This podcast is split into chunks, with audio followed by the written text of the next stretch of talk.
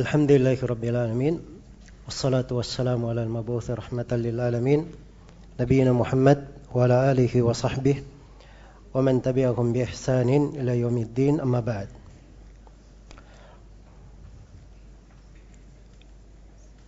Baik, saya akan masuk membahas terkait dengan inti dari pertemuan kita di pengajian kali ini tentang bolehkah melakukan demonstrasi.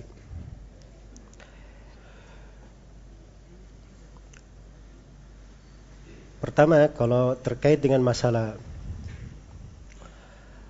menjelaskan hukum akan suatu masalah apa saja dari perkara agama, maka hal yang akan diterangkan itu harus dipahami bagaimana bentuknya. Karena sebagian kalimat kadang dia berlaku umum atau kalimatnya singkat tapi banyak cakupan yang terkandung di dalamnya atau banyak hal yang diinginkan di dalam penggunaan kalimat-kalimat tersebut. Baik. Kata demonstrasi, ya semua memaklumi ya apa yang dimaksud dengan demonstrasi. Hanya saja demonstrasi itu dari apa yang dilakukan oleh manusia mereka anggap ada berbagai bentuk. Ada demonstrasi yang mereka lakukan dan mereka inginkan di dalamnya uh, perkara-perkara yang terkait dengan syariat, terkait dengan agama. Dan ada demonstrasi yang dilakukan dan yang mereka maksudkan di dalamnya adalah perkara-perkara dunia. Perkara-perkara dunia. Iya. Karena itulah sebagian orang yang mengatakan demonstrasi itu adalah boleh, itu adalah wasilah dari wasilah uh, yang diperbolehkan. Ini adalah kalimat yang sangat tidak tepat sekali di dalam menggunakannya karena maksud di dalam mengadakan demonstrasi demonstrasi itu sendiri beraneka ragam. Ya, dan di belakang perbuatan demonstrasi itu sendiri ada berbagai uh, pembahasan di dalam syariat kita. Misalnya kalau seorang melakukan demonstrasi dengan maksud menjatuhkan pemerintah. Dengan maksud menjatuhkan pemerintah. Ini tujuan dunia. Maksudnya menjatuhkan pemerintah. Dan kadang dia jatuhkan pemerintah dengan keyakinan. Dengan keyakinan. Nah, di sini berbeda hukum antara dua hal. Kalau ada yang menjatuhkan pemerintah dengan keyakinan, itu pembahasannya pembahasan kaum khawarij. Kaum khawarij. Tapi kalau dia menjatuhkan pemerintah dengan karena maksud dunia, maka ini masuk di dalam pembahasan ahlul bughah. Orang-orang yang melampaui batas. Orang-orang yang melampaui batas. Iya. Pada kesemuanya itu oleh pemerintah boleh untuk diperangi. Tapi ini hukum terkait dengan siapa? Terkait dengan pemerintah.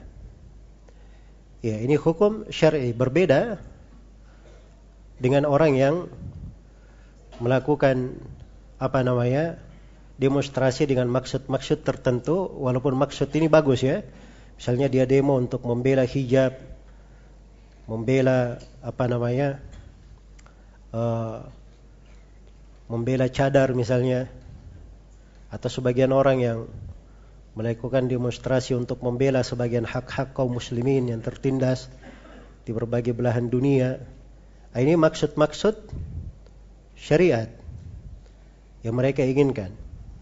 Tapi mereka ada, masuk di dalamnya menggunakan wasilah berupa cara demonstrasi ini. Baik. Karena itulah di sini apa namanya? terkait dengan masalah demonstrasi ini, ini adalah perkara yang dimaklumi banyak terjadi di masa kini. Ya kalau di masa dahulu mungkin ada bentuk-bentuk yang mereka dahulu ada yang melakukan kudeta terhadap pemerintah dan seterusnya. Itu pernah terjadi dalam sejarah sebagaimana yang mungkin akan kita singgung. Tapi belakangan ini menjadi hal yang sangat uh, dibahas. Kenapa? Karena di sebagian pemerintahan dibolehkan melakukan demonstrasi tersebut. Iya. Dibolehkan untuk melakukannya. Maka berangkat dari sini ada suara-suara yang menyuarakan tentang pembolehan itu. Dan ada beberapa tulisan di masa sekarang ini atau banyak tulisan dari orang-orang yang memberikan fatwa tentang bolehnya demonstrasi ada yang membentuk sebuah lajnah tersendiri kemudian menyusun fatwa tentang pembolehan. Ada yang menulis buku tersendiri tentang pembolehan. Ada yang menyusun makalah dia sebutkan puluhan dalil tanda petik ya menurut dia bahwa itu adalah dalil yang membolehkan dia untuk demonstrasi. Iya. Jadi saya saya paparkan ya bahwa ada orang-orang yang menulis di dalam hal tersebut Iya. Tapi kalau kita lihat kepada para ulama yang berpegang dengan sunnah dari ahlul haq, orang-orang yang apa namanya uh, betul-betul mumpuni di dalam syariat, mereka tidak mengeluarkan fatwa-fatwa yang seperti itu. Iya. Bahkan subhanallah dari ciri ahli sunnah itu, ciri ahli hadith disebutkan oleh Imam Abdul Mudaffar As-Sam'ani rahimahullahu taala bahwa ciri mereka itu mereka itu selalu bersepakat di dalam manhaj mereka walaupun berjauhan negerinya dan berbeda asal muasalnya berbeda asal muasalnya.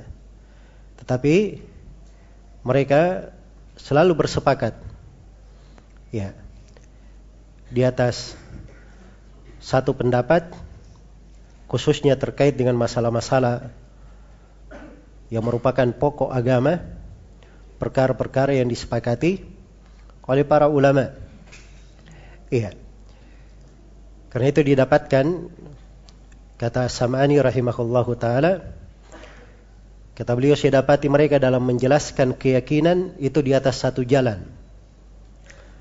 Dan mereka menempuh ya suatu jalan yang mereka tidak berpaling darinya, tidak menyimpang darinya. Dan pendapat mereka di dalam hal itu satu, penukilan mereka satu. Iya. Engkau tidak akan melihat di tengah mereka ada perselisihan, perpecahan. Walaupun di dalam hal yang sedikit. Bahkan kalau engkau kumpulkan seluruh apa yang keluar dari lisan mereka dan dinukil dari para as-salaf mereka seakan-akan datang di atas satu hati, berjalan di atas satu lisan. Dan itulah tanda kebenaran. Karena Allah Subhanahu wa taala berfirman, "Afala yatadabbaruna al-Qur'an walau kana min 'indi ghairi lawajadu fihi ikhtilafan katsira." Tidakkah mereka tadabbur terhadap Al-Quran. Andai kata datangnya dari selain Allah, maka mereka akan temukan di dalamnya perselisihan yang sangat banyak. Iya. Jadi ciri kebenaran tidak ada perselisihan di dalam hal tersebut. Dan Allah Subhanahu wa taala berfirman, "Wa'tasimu bihablillahi jami'an wa la tafarraqu."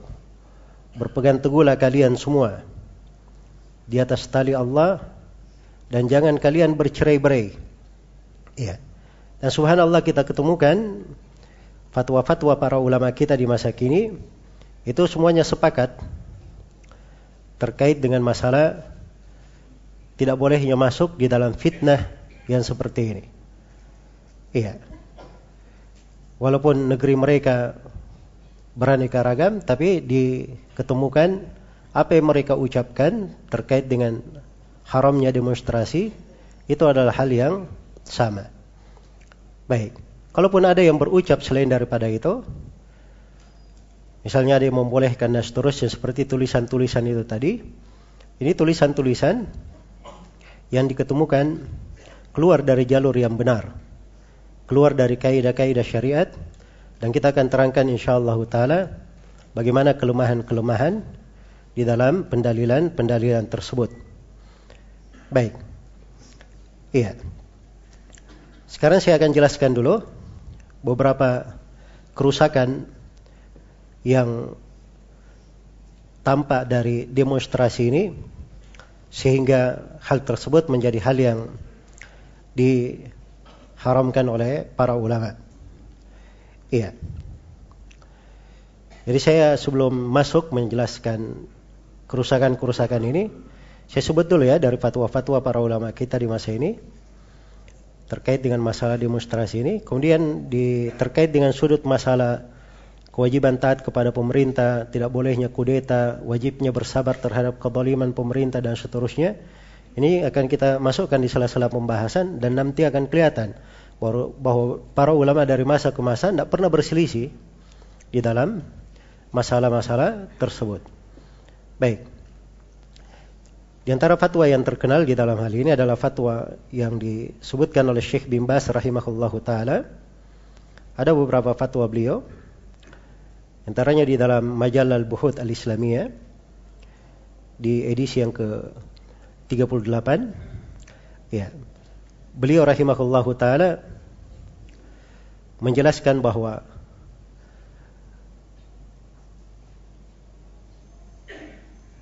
Iya. Uslub yang bagus itu adalah wasilah yang paling baik agar supaya kebenaran diterima. Adapun uslub yang jelek, yang kasar, ini dari wasilah yang sangat berbahaya menyebabkan kebenaran itu ditolak dan tidak diterima dan menimbulkan terjadinya kegoncangan, kezaliman, permusuhan, perkelahian dan kata beliau, wayal hak bihadal bab dan masuk di dalam hal yang seperti ini apa yang dilakukan oleh sebagian manusia minal mudaharat dari bentuk demonstrasi-demonstrasi. Allati tusabbibu syarran aziman ala du'at. Yang menyebabkan kejelekan yang sangat besar terhadap para dai-dai. Iya. Kata beliau fal masirat fi syawari' wal hatafat laysat hiya tariq lil islahi wad da'wah maka pawai-pawai di jalan dan bersuara-suara berial di jalan itu bukanlah jalan untuk islah dan dakwah. Itu bukan jalan untuk islah dan dakwah. Jalan yang benar kata beliau dengan saling mengunjungi. Bersurat dengan hal yang baik. Iya. Engkau menasihati pemimpin, gubernur, atau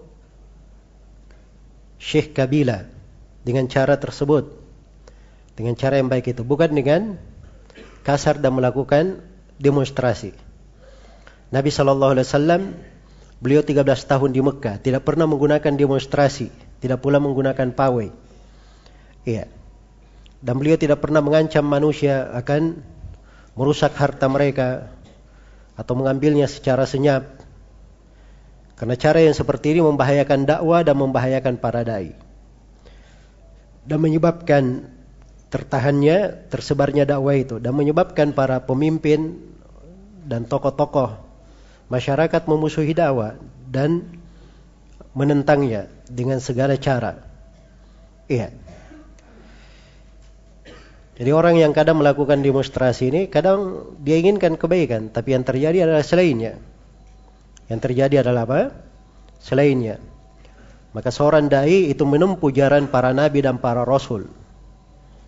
Walaupun masanya akan menjadi panjang. Itu lebih bagus daripada dia beramal dengan amalan yang bisa membahayakan. Ya. Jadi ini ringkasan nasihat beliau terkait dengan uslub untuk para dai dalam berdakwah jangan menggunakan cara-cara apa? Demonstrasi. Dan beliau pernah ditanya juga, apakah demonstrasi laki-laki dan perempuan terhadap penguasa dan pemimpin dianggap wasilah dari wasilah dakwah? Kata beliau, saya tidak menganggap itu adalah Saya tidak menganggap bahwa demonstrasi laki-laki dan perempuan bagian dari solusi atau obat. Akan tetapi itu dari sebab fitnah. Sebab terjadinya kejelekan. Dan sebab mentolimi sebagian manusia melampaui batas terhadap sebagian manusia tanpa hak. Iya. Tapi cara yang benar dengan sebab-sebab syar'i yaitu dengan menulis, ya bersurat, menasihati dan berdakwah kepada kebaikan. Iya, dengan cara yang yang baik, dengan cara yang bijaksana. Inilah yang ditempuh oleh para ulama. Demikianlah para sahabat dan pengikut para sahabat. Mereka itu menasihati dengan cara menyurati atau berbicara langsung kepada orang-orang yang keliru, atau kepada pemimpin, kepada penguasa dengan cara menghubunginya, menasihatinya atau menulis kepadanya tanpa ada tashhir di atas mimbar-mimbar, tanpa membeberkan kesalahan mereka di atas mimbar-mimbar dan selainnya. Bahwa dia telah berbuat begini, telah terjadi dari dia begini, ya bukan begitu caranya. Nah, ini dari Syekh bin Bas rahimahullahu taala. Dan di antara ulama juga yang memfatwakan haramnya adalah Syekh Al-Albani rahimahullahu taala.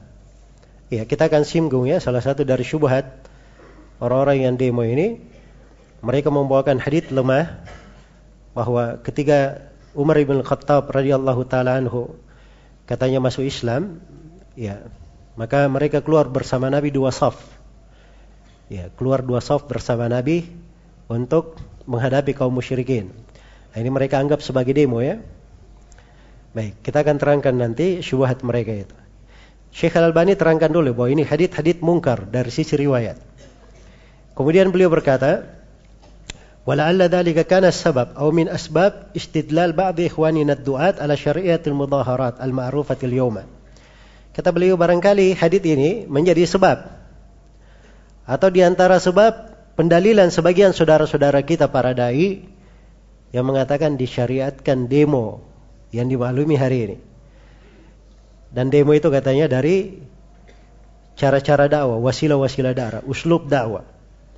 Kata beliau wala tazalu ba'dul jamaat al-islamiyah tatadhahar biha. Ya. Dan terus-menerus ada sebagian kelompok atau sebagian jamaah Islamiyah yang melakukan demonstrasi. Ya ghafilina an kauniha min adatil kuffar wa asalibihim. Padahal mereka lalai bahwa demonstrasi ini dari kebiasaan orang-orang kafir dan dari cara-cara orang-orang kafir. Baik. Itu fatwa dari Syekh Al-Albani di dalam kitab beliau Silsilah Al-Hadith As-Sahihah terkait dengan hadith itu tadi. Baik. Ada fatwa-fatwa beliau yang lainnya dari apa namanya rekaman beliau yang berada dalam silsilah Al-Huda wan Nur. Ya. Bagaimana beliau menjelaskan tentang haramnya demonstrasi ini. Beliau poinkan bahwa itu ada tasyabuh terhadap orang kafir, itu keluar dari jalan kaum mukminin, ya. Dan itu bukan jalan perbaikan. Bukan dari jalan perbaikan, tapi hal yang merusak. Baik.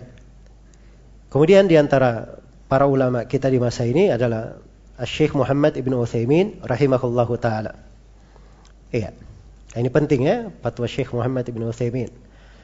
Karena ada sebagian orang yang mengatakan katanya Syekh Ibn Uthaymin membolehkan demo. Ya, enggak tahu ini dia mimpi di mana. Kemudian diambil dari mana. Baik. Ini fatwa Syekh Ibn Uthaymin rahimahullahu taala. Jadi beliau ditanya, apakah demonstrasi itu dianggap wasilah dari wasilah-wasilah dakwah? Ya.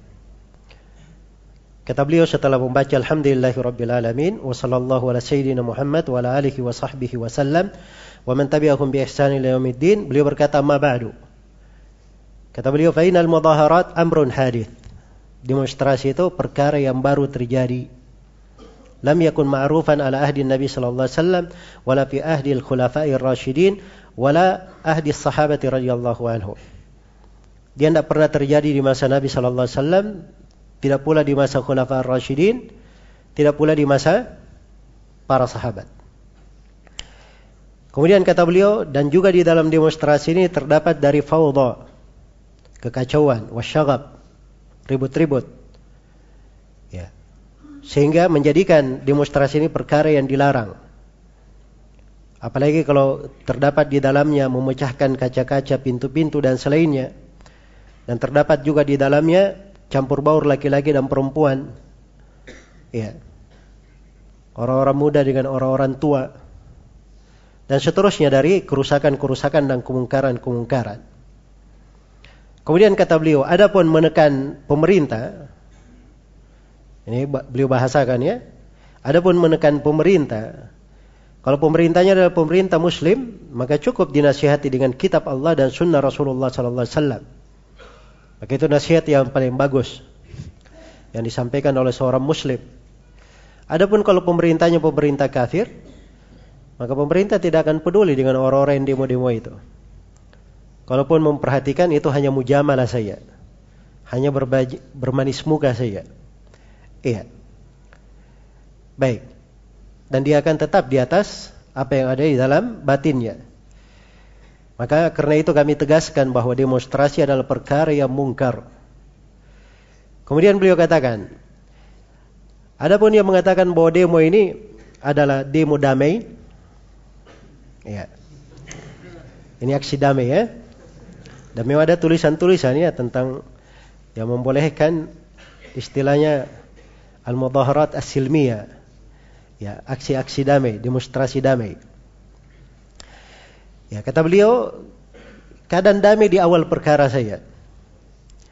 Atau damai di satu perkara tapi setelah itu menjadi kerusakan. Iya. Karena itu saya nasihati para pemuda untuk mengikuti jalan para as-salaf yang terdahulu. Karena Allah Subhanahu wa taala telah memuji kaum Muhajirin Al-Ansar dan mengikuti orang yang mengikuti mereka dengan baik. Ini jawaban beliau ringkas ya, padat.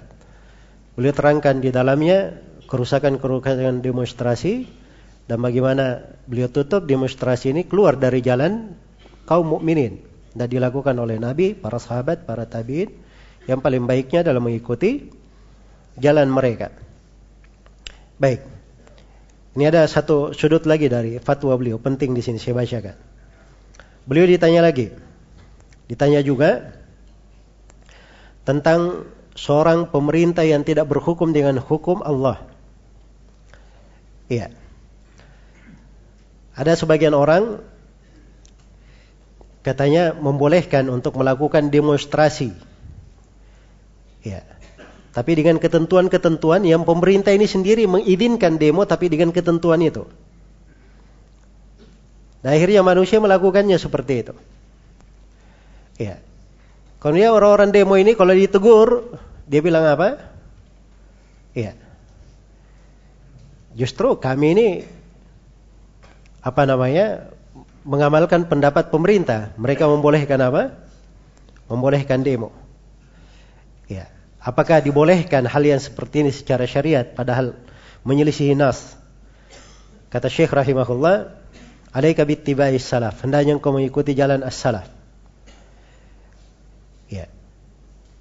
Kata beliau, apabila hal tersebut ada pada as-salaf, maka itu akan baik. Kalau tidak ada, maka tidak baik. Kemudian kata beliau, "Wala syakka mudaharat syar" dan tidak diragukan bahwa demonstrasi itu adalah apa? Kejelekan liannaha tuaddi ilal fawda. Karena akan mengantar kepada kekacauan dari orang-orang yang demo dan selainnya. Warubbama yahsul fiha i'tida dan kadang terjadi di dalamnya tindakan melampaui batas. Apakah terhadap kehormatan, terhadap harta ataupun terhadap badan? Iya. Dan karena manusia apabila masuk di dalam gelombang kekacauan ini Kadang dia seperti orang yang mabuk. Tidak tahu apa yang dia ucapkan, tidak tahu apa yang dia dia lakukan. Yang namanya pergerakan massa siapa yang bisa atur kan begitu. Siapa yang bisa mengukur. Iya. Maka kata beliau fal mudaharat kulluha syarr sawa'un adina fiha al-hakim aw lam ya'dan. Maka seluruh demonstrasi itu adalah kejelekan. Walaupun diizinkan oleh pemerintah, apakah diizinkan oleh pemerintah atau tidak diizinkan, semuanya kejelekan. Ini tegas ya. dari beliau rahimahullahu taala sampai akhir fatwa beliau di dalam hal ini.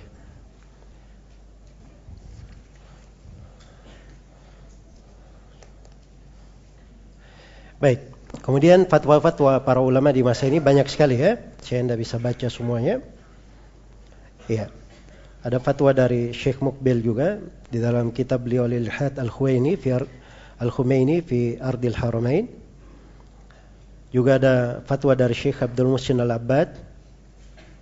Ya, hafizahullah taala. Beliau ditanya tentang masalah orang yang demo karena kenaikan harga. Ya, apabila hal tersebut terjadi kezaliman. Maka beliau katakan, mislah hadhil amal hiya minas safa.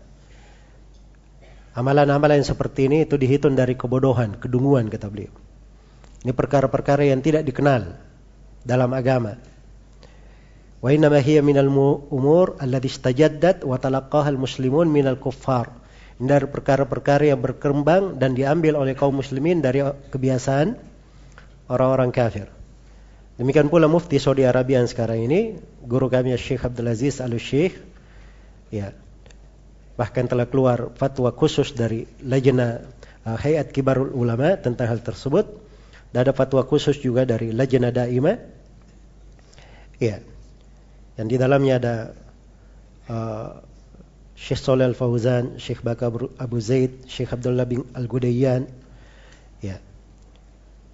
Rahimahumullahu ta, uh, taala al-amwat minhum wa hafidha al-ahya. Dan kalau dicari dari para ulama di berbagai negeri ada fatwa dari Syekh Muhammad bin Said bin Raslan dari Mesir, Syekh Firqus dari Aljazair, ya. Syekh Fala Ismail Mindikar dari dari Kuwait dan selainnya dari para ulama di berbagai negeri semuanya di atas hal yang sama. Nah, ini perkara yang tidak diragukan ya. Karena kalau dilihat pada sebab-sebab kenapa mereka mengharamkan, apa sebabnya mereka mengharamkan demonstrasi ini? Iya. Banyak sebab. Baik. Yang pertama orang yang melakukan demonstrasi itu bagi yang niatnya baik ya, kita berbicara terhadap saudara-saudara kita yang kita yakin dari sisi niat, niatnya apa? Niatnya sangat baik. Ingin membela agama, meninggikan Islam dan seterusnya. Iya. Jadi maksud mereka adalah untuk menolong agama kan begitu, meninggikan kalimat Allah. Berarti kalau itu maksud mereka melakukan demonstrasi, berarti demonstrasi ini bentuk dari apa? Dari ibadah kalau begitu. Jelas ya? Nah, kalau dia sudah masuk di dalam pembahasan ibadah, ada dua pertanyaan. Ada dua hal yang harus diperiksa. Yang pertama, harus diperiksa kalau dia ibadah apa dalilnya. Ibadah kan pasti ada dalilnya kan begitu. Hah? Kalau dia ibadah apa dalilnya? Untuk melakukannya. Iya. Dan tidak diragukan bahwa demonstrasi-demonstrasi ini itu adalah bid'ah di dalam agama perkara yang tidak ada dalilnya. Bahkan menyelisihi dalil-dalil. Sebagaimana yang kita akan terangkan nanti dari bahayanya. Kemudian yang kedua, ibadah itu diterima apa syaratnya? Hah? Yang pertama, yang melakukan ibadah ini adalah seorang muslim. Dia bertauhid, satu. Syarat yang kedua dia ikhlas. Ini kita ya kayaknya terkait dengan niat kita berbaik sangka semuanya niatnya baik dan insya Allah taala itu yang tampak. Iya. Baik. Cuman syarat yang ketiga, ibadah yang diterima harus sesuai dengan apa? Harus sesuai dengan petunjuk Nabi Shallallahu Alaihi Wasallam. Kapan tidak sesuai dengan petunjuk Nabi Shallallahu Alaihi Wasallam, maka telah syah di dalam hadis Aisyah riwayat Bukhari dan Muslim, man ahdatha fi amrina hada ma laysa minhu bahwa rad Siapa yang mengada-adakan di dalam perkara kami ini apa yang bukan darinya, maka hal tersebut adalah apa? Adalah tertolak. Iya. Dan di dalam Sahih Muslim dengan lafaz man amila amalan laisa alaihi amruna fahuwa raddun. Siapa yang beramal dengan sebuah amalan yang tidak dibangun di atas tuntunan kami, maka amalan tersebut adalah apa? Adalah tertolak. Jadi kalau dia ibadah, maka asal dalam ibadah tidak boleh dilakukan kecuali dengan apa? Kecuali dengan dalil. Kecuali dengan dalil. Baik. Jadi ini yang pertama. Kenapa diharamkan? Kemudian yang kedua, dimaklumi bahwa demonstrasi-demonstrasi ini itu munculnya dari mana? Dari orang-orang kafir diambilnya. Iya. Kalau di dalam sejarah perjalanan umat Islam itu hanya muncul dari kelompok-kelompok yang menyimpang seperti kelompok Khawarij yang melakukan kudeta terhadap Khalifah Uthman Ibnu Affan radhiyallahu taala anhum. Jelas ya? Dan diambil dari ketentuan-ketentuan ya. Dari peraturan-peraturan yang itu bukan dari peraturan yang dibenarkan di dalam Islam. Tidak dibenarkan di dalam Islam. Baik. Kalau begitu dari sisi ini demonstrasi itu bukan jalan kaum mukminin. Bukan jalannya siapa? Kaum mukminin. Dan Allah Subhanahu wa taala telah mengancam di dalam Al-Qur'an. "Wa may yushakkikir rasula min ba'di ma tabayyana lahul huda sabilil mu'minin nuwallihi ma tawalla wa nuslihi jahannam wa sa'at masira. Barang siapa yang durhaka kepada Ar-Rasul setelah tampak jelas baginya petunjuk dan dia mengikuti jalan selain jalan kaum mukminin, maka kami akan biarkan dia larut di dalam kesesatannya dan kami akan masukkan dia ke dalam neraka jahanam dan itu adalah sejelek-jelek tempat kembali. Iya. Maka ini ancaman yang besar menyelisihi jalan kaum mukminin. Baik. Kemudian yang ketiga, sebab yang ketiga. Kenapa dia haramkan demonstrasi? Ya.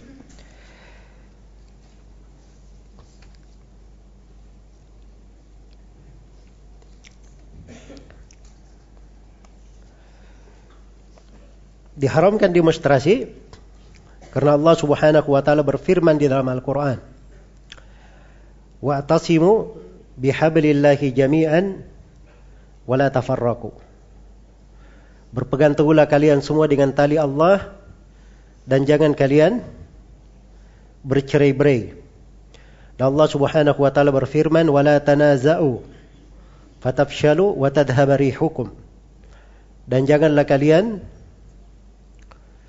bertikai maka kalian akan kalah dan hilang dari kekuatan kalian. Ya. Dan selainnya dari dalil-dalil yang mewajibkan kita, memerintah kita untuk bersatu, berkumpul dan tidak berpecah-pecah, tidak berselisih. Tidak berselisih. Mengajak demonstrasi di negeri kaum muslimin itu artinya mengajak orang untuk apa? Untuk berpecah dan berselisih. Wah ini demonstrasi persatuan umat Islam bela Islam. Ya. Baik itu presiden muslim atau bukan? Hah? Wakil presiden muslim atau bukan? Terus kebanyakan dari banyak dari orang-orang di pemerintahan muslim atau bukan? Baik, kalau begitu bagaimana caranya mau menyatukan? Iya.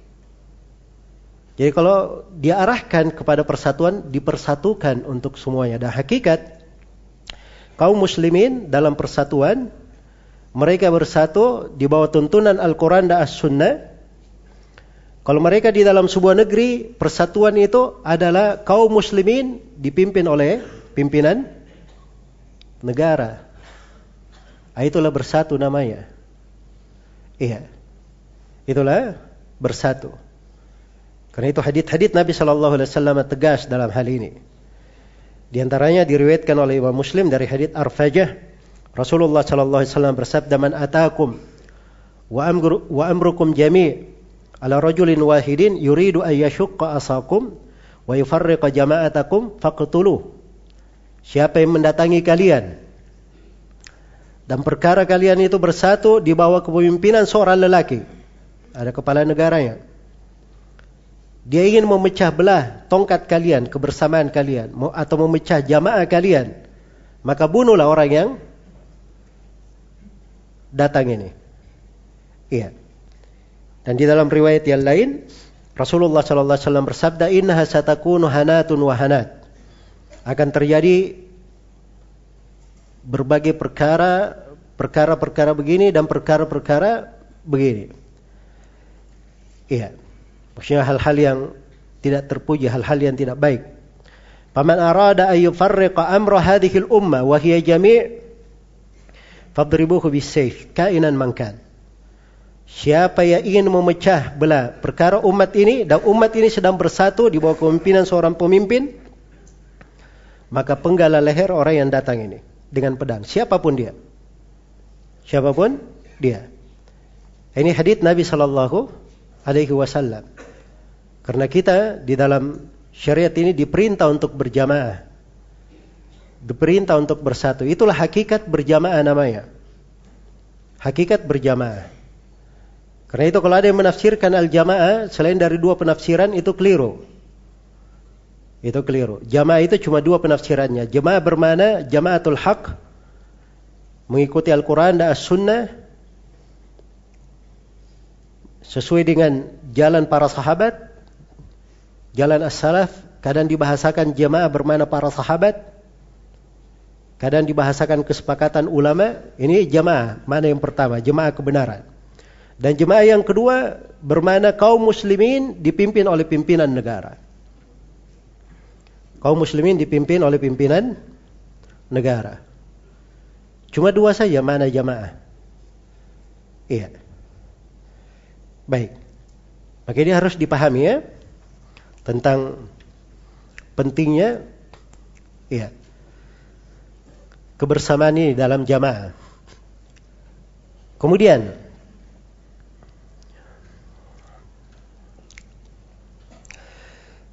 yang keberapa sekarang?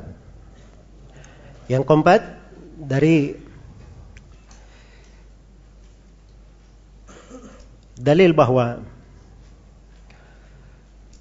demonstrasi adalah haram, bahwa demonstrasi itu menyerupai orang-orang kafir. Menyerupai dari apa? Orang-orang kafir. Sedangkan Rasulullah sallallahu alaihi telah bersabda, "Wa man tashabbaha biqaumin fahuwa minhum." Siapa yang menyerupai satu kaum, maka ia termasuk dari kaum tersebut. Iya. Termasuk dari kaum tersebut. Iya. Baik. Maka ini tasyabuh namanya. Dan semuanya tahu bahwa di tengah umat Islam ini tidak ada dikenal namanya demo-demo. Iya. Tidak dikenal. Yang ada di dalam sejarah itu orang-orang yang menyimpang saja kalau ada di dalam sejarah umat. Dan kegiatan-kegiatan yang seperti itu diambilnya dari negeri-negeri kafir. Ya. Dimasukkan ke tengah umat Islam. Baik, saya akan bahas nanti ada syubhat sebagian orang mengatakan bahwa tidak semua yang di negeri kafir itu tidak boleh diambil. Ya, saya akan bahas nanti. Ada sebagian orang yang berdalilkan dengan uh, penggalian parit di perang Khandaq. Baik. Kemudian berikutnya dari dalil akan haramnya demonstrasi ini. Dari sisi yang kelima ya. Hal tersebut menyelisihi apa yang datang di dalam hadis Rasulullah sallallahu alaihi wasallam. Apa yang berjalan di tengah para as-salaf rahimahumullahu taala tentang kewajiban menasihati pemerintah secara apa? Secara rahasia. Ya, secara pribadi. Nah, Rasulullah sallallahu alaihi wasallam bersabda, "Man kana indahu nasihatul lidhi sultan, fala yubriha alaniyah, wal ya'khudh bi yadihi wal yansakhu sirran, fa in qabila minhu fadak wa illa faqad adda ma alaihi." Siapa yang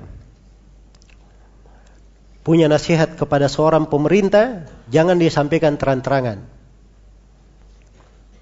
Ini tegas ya dari Nabi. Siapa yang punya nasihat untuk pemerintah, jangan dia sampaikan apa?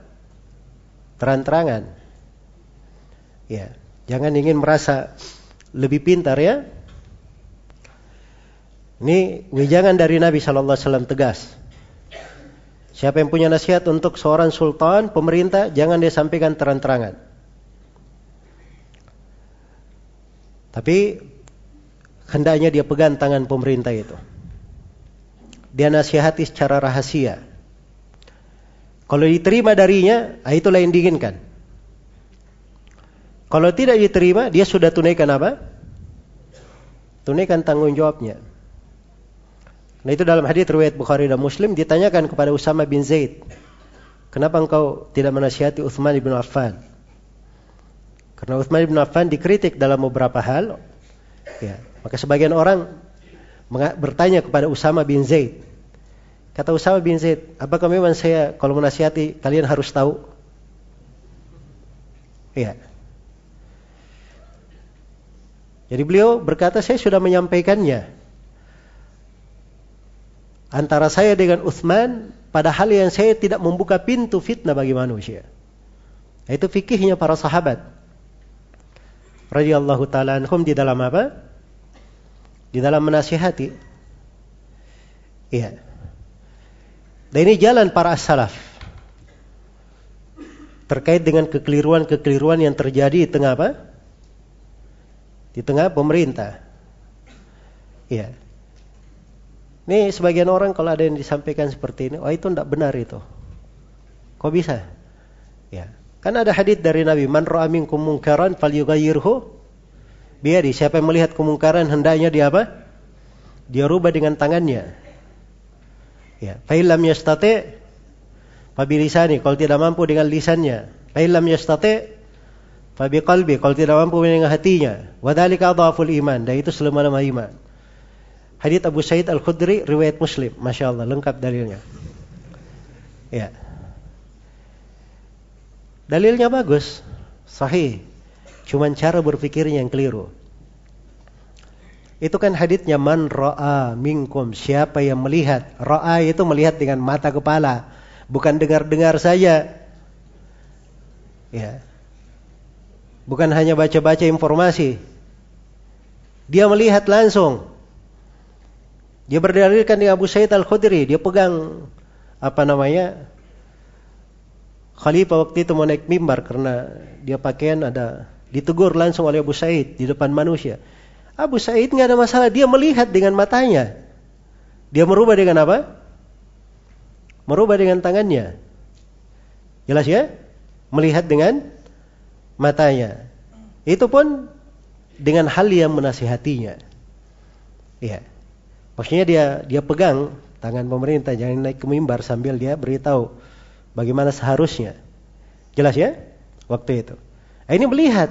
Beda dengan sebagian orang hanya apa? Dengar-dengar saja. Informasi. Iya. Nah, itu pun banyak dari informasi sudah digoreng sana sini. Ya. Kadang sampai dia sudah gosong. Ya, baik. Jadi ini keliru ya kalau berdalilkan di hal tersebut. Hadits Nabi itu diagungkan. Dan itu yang berjalan di tengah para salaf rahimahumullah. Ya, dan orang namanya dinasihati pemerintah, dinasihati di depan umum. Ya. Dia saja kalau di ada orang yang khatib naik ke atas mimbar, dia tunjuk ini si fulan, dia ini begini, begini, begini, begini. Dia suka atau tidak? Enggak ada yang suka, apalagi ini seorang pemimpin. Jelas ya? Yang Nabi Shallallahu Alaihi Wasallam bersabda, "Man akrama sultan Allah fil ard, akramahu Allah. Wa man ahana sultan Allah fil ard ahanahu Allah. Siapa yang memuliakan pemerintah Allah di atas muka bumi, Allah akan memuliakannya. Siapa yang menghinakan pemerintah Allah di atas muka bumi, Allah akan apa? Allah akan menghinakannya. Jelas ya? Allah akan menghinakannya. Baik. Dan ini uslub di dalam nasihati. Berjalan di tengah para as-salaf rahimahumallahu ta'ala. Baik. Kemudian sisi sudut yang lain, pelanggaran yang lain. Ya.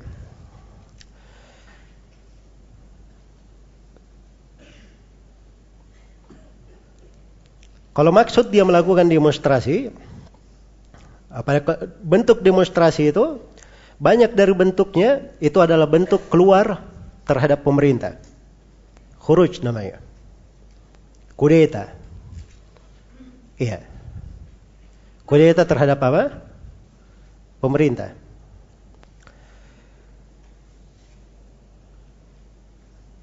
Dan Rasulullah Shallallahu Alaihi Wasallam telah mutawatir dari beliau sallallahu alaihi wasallam hadit-hadit yang sangat banyak tentang tidak bolehnya melakukan kudeta terhadap pemerintah.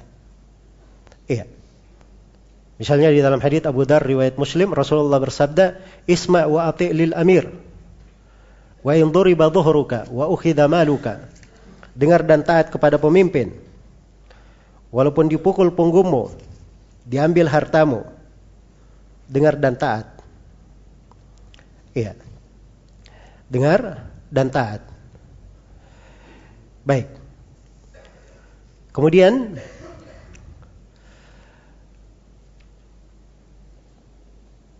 Rasulullah Shallallahu Alaihi Wasallam di dalam mendidik para sahabatnya juga seperti itu. Karena itu ketika manusia mengadukan apa yang mereka temukan dari kekejaman Hajjat bin Yusuf kepada Anas bin Malik radhiyallahu taala anhu.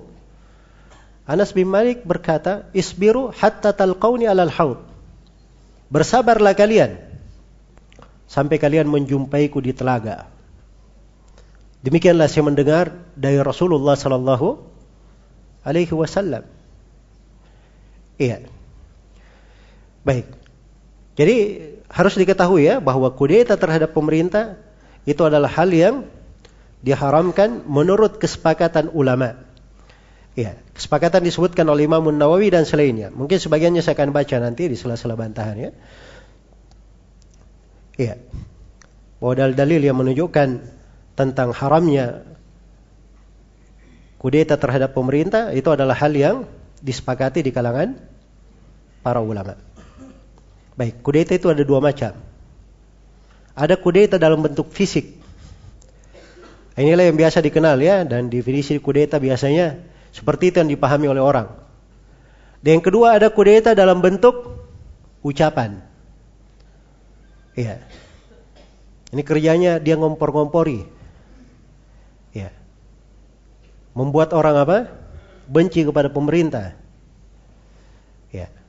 Karena itu di masa dahulu kaum khawarij itu dua macam di masa dahulu. Ada kaum khawarij mengangkat senjata, inilah yang melakukan pedang. Senangnya berbau-bau darah. Ada khawarij jenis disebut dengan nama disebutkan oleh Ibnu Hajar dengan nama Al-Qa'adiyah. Al-Qa'adiyah ini khawarij duduk. Dia duduk-duduk saja. Ya, tapi dia yang kasih ideologi kepada orang-orang supaya apa? supaya melakukan kudeta. Dia yang panas-panasi, dia yang kompor-kompori orang. Untuk apa? Melakukan kudeta. Iya. Dan ini semuanya keluar dari jalan dari jalan agama. Baik. Berikutnya dari dalil juga adalah hadit-hadit yang menunjukkan tentang kewajiban untuk bersabar terhadap kesewenang-wenangan pemerintah. Ya, jadi kalau pemerintah berlaku sewenang-wenang, berlaku zalim, apa kewajiban kita? Kewajiban kita bersabar. Nah, itu ada di dalam hadits Nabi Shallallahu Alaihi Wasallam. Tidak ada selain daripada itu. Ya, baik. Karena itu ketika Nabi Shallallahu Alaihi Wasallam Ketika ditanya, begitu beliau kabarkan ada pemerintah yang mementingkan dirinya sendiri, maka Nabi ditanya, bolehkah kami melakukan kudeta terhadap mereka? Kata Nabi, la ma'aqamu fikumus salat. Tidak boleh. Sepanjang mereka masih menegakkan salat di tengah kalian. Dan Ubadah bin Samit berkata, bayana Rasulullah sallallahu alaihi wasallam ala sam'i wa ta'a fil usri wal yusur wal mansyati wal makra wa ala atharatin alaina wa an la nunazi al amra ahlahu illa an taraw illa an taraw fihi kufran bawahan indakum fihi min Allah burhan. Ini hadisnya riwayat Bukhari dan Muslim. Ubadah bin Samit berkata, kami membaiat Rasulullah sallallahu alaihi untuk mendengar dan taat kepada pemimpin. Dalam hal kami bersemangat maupun dipaksa. Dalam keadaan lapang maupun sempit. Dan dalam keadaan pemimpin lebih mementingkan dirinya lebih mementingkan dirinya. Dan tidak boleh kami mengganggu perkara dari pemiliknya. Kecuali kalau melihat kekafiran yang nyata. Ini bahasanya hadith illa antarau kecuali kalau kamu melihat bahasanya apa? Melihat bukan cuma dengar-dengar. Ya. Dia melihat. Jelas ya? Bukan cuma dengar-dengar informasi. Ah, ini informasinya ini Pak Presiden ini mendukung si fulan. Membela si fulan. Ah, itu kan informasi namanya. Jelas ya? Ya. Ah, ini kekeliruan harus dipahami bahasa-bahasa hadith. Jangan disalah artikan. Kecuali kalau kamu melihat apa yang dilihat kufron, kekafiran. Bukan kemaksiatan. Tapi hal yang mengafirkan. Mengeluarkan dari keislaman. Kekafiran yang bagaimana? Bawahan, kekafiran yang nyata. Kalau kekafirannya silam pendapat, itu tidak masuk. Tapi ini kekafiran yang apa? Bawahan. Indakum minallahi, kalian punya argumen dari sisi Allah. Siapa yang berani berkata dia punya argumen di sisi Allah? Hah? untuk masalah yang seperti itu.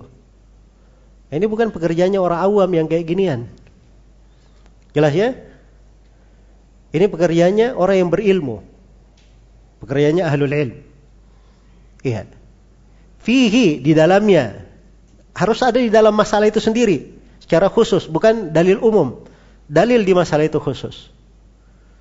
Minallahi burhan. Kalian punya burhan. Burhan itu argumen yang terang, tampak. Nah, ini perhatikan ya tentang ketentuan dan syarat-syaratnya. Iya. Ketentuan dan syarat-syaratnya. Baik, jadi Nabi Wasallam jangan mengatakan ada yang lebih cemburu daripada Nabi. Ya, wah ini bagaimana kecemburuan terhadap agama?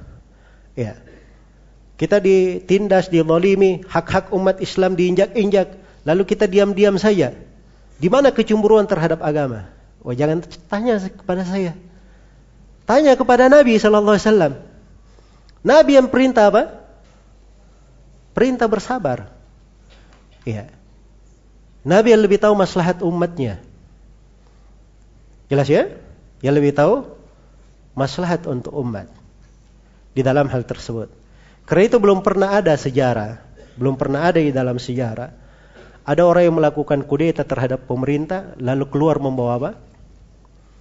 Membawa kebaikan. Itu belum pernah ada di dalam sejarah. Iya.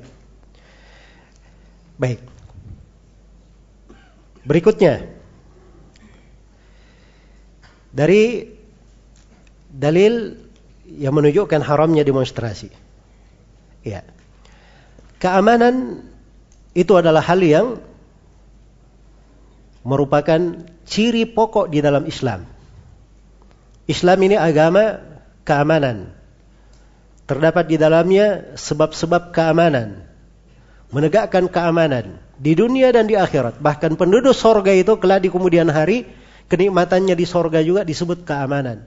Innal muttaqina fi maqamin amin. Sungguhnya orang-orang yang bertakwa di kedudukan yang penuh dengan keamanan.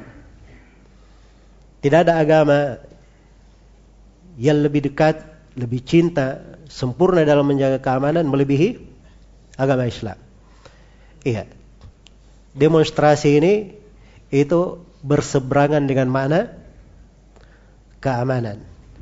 Bahkan memecah keamanan, mencabik-cabiknya dan bertolak belakang dengannya. Iya, bertolak belakang dengannya. Karena itu seorang muslim tidak boleh membuat takut muslim yang lainnya. La yahillu li muslimin ayyurawi'a akhahul muslim. Tidak halal bagi seorang muslim membuat takut saudaranya muslim yang lain. Iya. Baik. Apakah itu dengan bentuk menutup jalan? Ya. Apalagi dalam bentuk tindakan-tindakan anarkis. Iya tindakan-tindakan anarkis. Dengan pembakaran, perusakan harta benda, pemecahan, ya dan selainnya ya dari hal-hal yang mendatangkan ketakutan dan menghilangkan keamanan. Iya. Kemudian juga dari sisi bahaya ada satu tadi terkait dengan pemerintah saya belum poinkan dari bahaya demonstrasi ini, demonstrasi ini ini akan membuat hati rakyat panas terhadap pemerintah. Ya. Dan tidak seperti itu kita dididik di dalam agama ini. Nabi Shallallahu Alaihi Wasallam dalam hadits riwayat Bukhari dan Muslim pernah ditanya tentang pemerintah yang zalim. Beliau berpaling, berpaling, berpaling. Yang keempat baru beliau berkata, ya, isma wa ati, dengar dan taat. Fa nama alaihi ma hummila wa alaikum ma hummiltum. Terhadap penguasa ada beban yang dibebankan terhadap mereka dan terhadap kalian ada beban dibebankan terhadap apa? Kalian. Setiap dari kalian ada tanggung jawab masing-masing. Dijaga kedudukan pemerintah ini oleh Nabi Shallallahu Alaihi Wasallam. Jelas ya? Itu tadi Nabi berkata, Siapa yang memuliakan penguasa Allah di atas muka bumi, Allah akan apa? Memuliakannya. Dan siapa yang menghinakannya, Allah akan menghinakannya. Iya. Jadi kalau menjadikan penguasa sebagai bahan celaan, ya, membuat manusia apa namanya panas terhadapnya, benci kepadanya, ya, ini adalah hal yang tidak diperbolehkan. Karena itu kalau mau lihat ciri dan potret dari Islam itu, lihatlah bagaimana Imam Ahli Sunnah. Imam Ahmad bin Hanbal rahimahullahu taala. Beliau ini didolimi di tiga generasi pemerintahan. Bersamaan dengan itu beliau berkata, "Lau lau anna li da'watan mustajabah, ma ja'altuha illa lis-sultan." Andai kata saya punya doa yang dikabulkan, saya akan pakai doa ini untuk kebaikan pemerintah. Sebab kalau pemimpin baik, baik juga apa? Rakyatnya. Tidak ada dendam beliau sama pemimpin sama sekali. Ya. Karena itu telah syah dari Nabi Shallallahu Alaihi Wasallam, beliau berkata, "Thalathun la yagillu alaihinna qalbu mri'in muslim." Ikhlasul amali lillah wa munasahati man wallahu Allahu amrakum. Ya. Waluzum jama'atihim. Kata beliau ada tiga perkara. Yang dengan tiga perkara ini hati seorang mukmin tidak akan membawa gulul. Tidak ada kedengkian, hasad, tidak ada penyakit di hatinya dengan tiga hal ini. Yang pertama dia ikhlaskan amalan karena Allah. Kemudian yang kedua dia berlaku tulus kepada pemimpinnya. Kemudian yang ketiga dia komitmen dengan jemaah kaum muslimin. Nah, inilah yang mempersatukan. Nah, ini pondasi kebaikan. Jelas ya? Pondasi kebaikan. Jadi kalau ingin menasihati pemerintah, ada hal yang nggak setuju, datangi secara langsung nasihati. Datangi secara langsung nasihati. Iya. Apalagi pemerintah sangat terbuka untuk hal tersebut. Mau dinasihati di mana di mana pun bisa. Ya, mereka punya halaman resmi, ya punya ikon apakah itu di Twitter atau di Facebook, ada nomor-nomor telepon bisa dihubungi, punya kotak pos khusus bisa disurati. Hah? Tidak ada orang-orang yang bisa menjadi perantara untuk sampai ke mereka. Apalagi yang kurang. Jadi pintunya ada, jalurnya ada. Jelas ya? Jalurnya ada. Iya. Maka kalaupun tidak bisa, maka didoakan. Iya, didoakan. Nah, itu kan semuanya cara di dalam memperbaiki, bukan tidak ada cara. Ada jalannya, alhamdulillah. Baik. Kemudian ini juga dari kejelekan dan buah dari demonstrasi. Demonstrasi itu biasanya ada orasi-orasinya kan? Ya. Saya ingin tanya, pernah ada orasi di demonstrasi yang isinya tidak ada celaan terhadap pemerintah? Hah? Ya. Memang asalnya untuk apa? Ya. Namanya sejaya demo terhadap pemerintah. Ya. Nah ini menjadi masalah ya. Kemudian dari situ pendidikan untuk umum muncul melahirkan hal-hal yang lain. Ya. Terjangkit juga ke mimbar-mimbar Jumat. Ya, habis mimbar-mimbar Jumat ini. Ya, digetarkan untuk orasi-orasi apa? Kebencian terhadap pemerintah, subhanallah. Ya. Sampai saya pernah tahun berapa itu? Pernah ada tsunami di Jawa Barat. Ya, tidak terlalu besar waktu itu, tidak seperti terkenalnya di Aceh. Hari Jumat, saya kebetulan singgah di sebuah masjid, hadir khutbah. Masya Allah, khatibnya menyinggung itu. Saya pikir dia mau ingatkan orang tentang bahaya dosa, bahaya maksiat. Tapi ternyata sang khatib berkata ini semuanya karena sebab pemerintah begini, anggota dewannya begini. Semuanya kena sikat. Ya. Nah, ini repot ya. Tidak membawa kedamaian. Ya. Dan itu menyelisih petunjuk Nabi Sallallahu Alaihi Wasallam. Baik.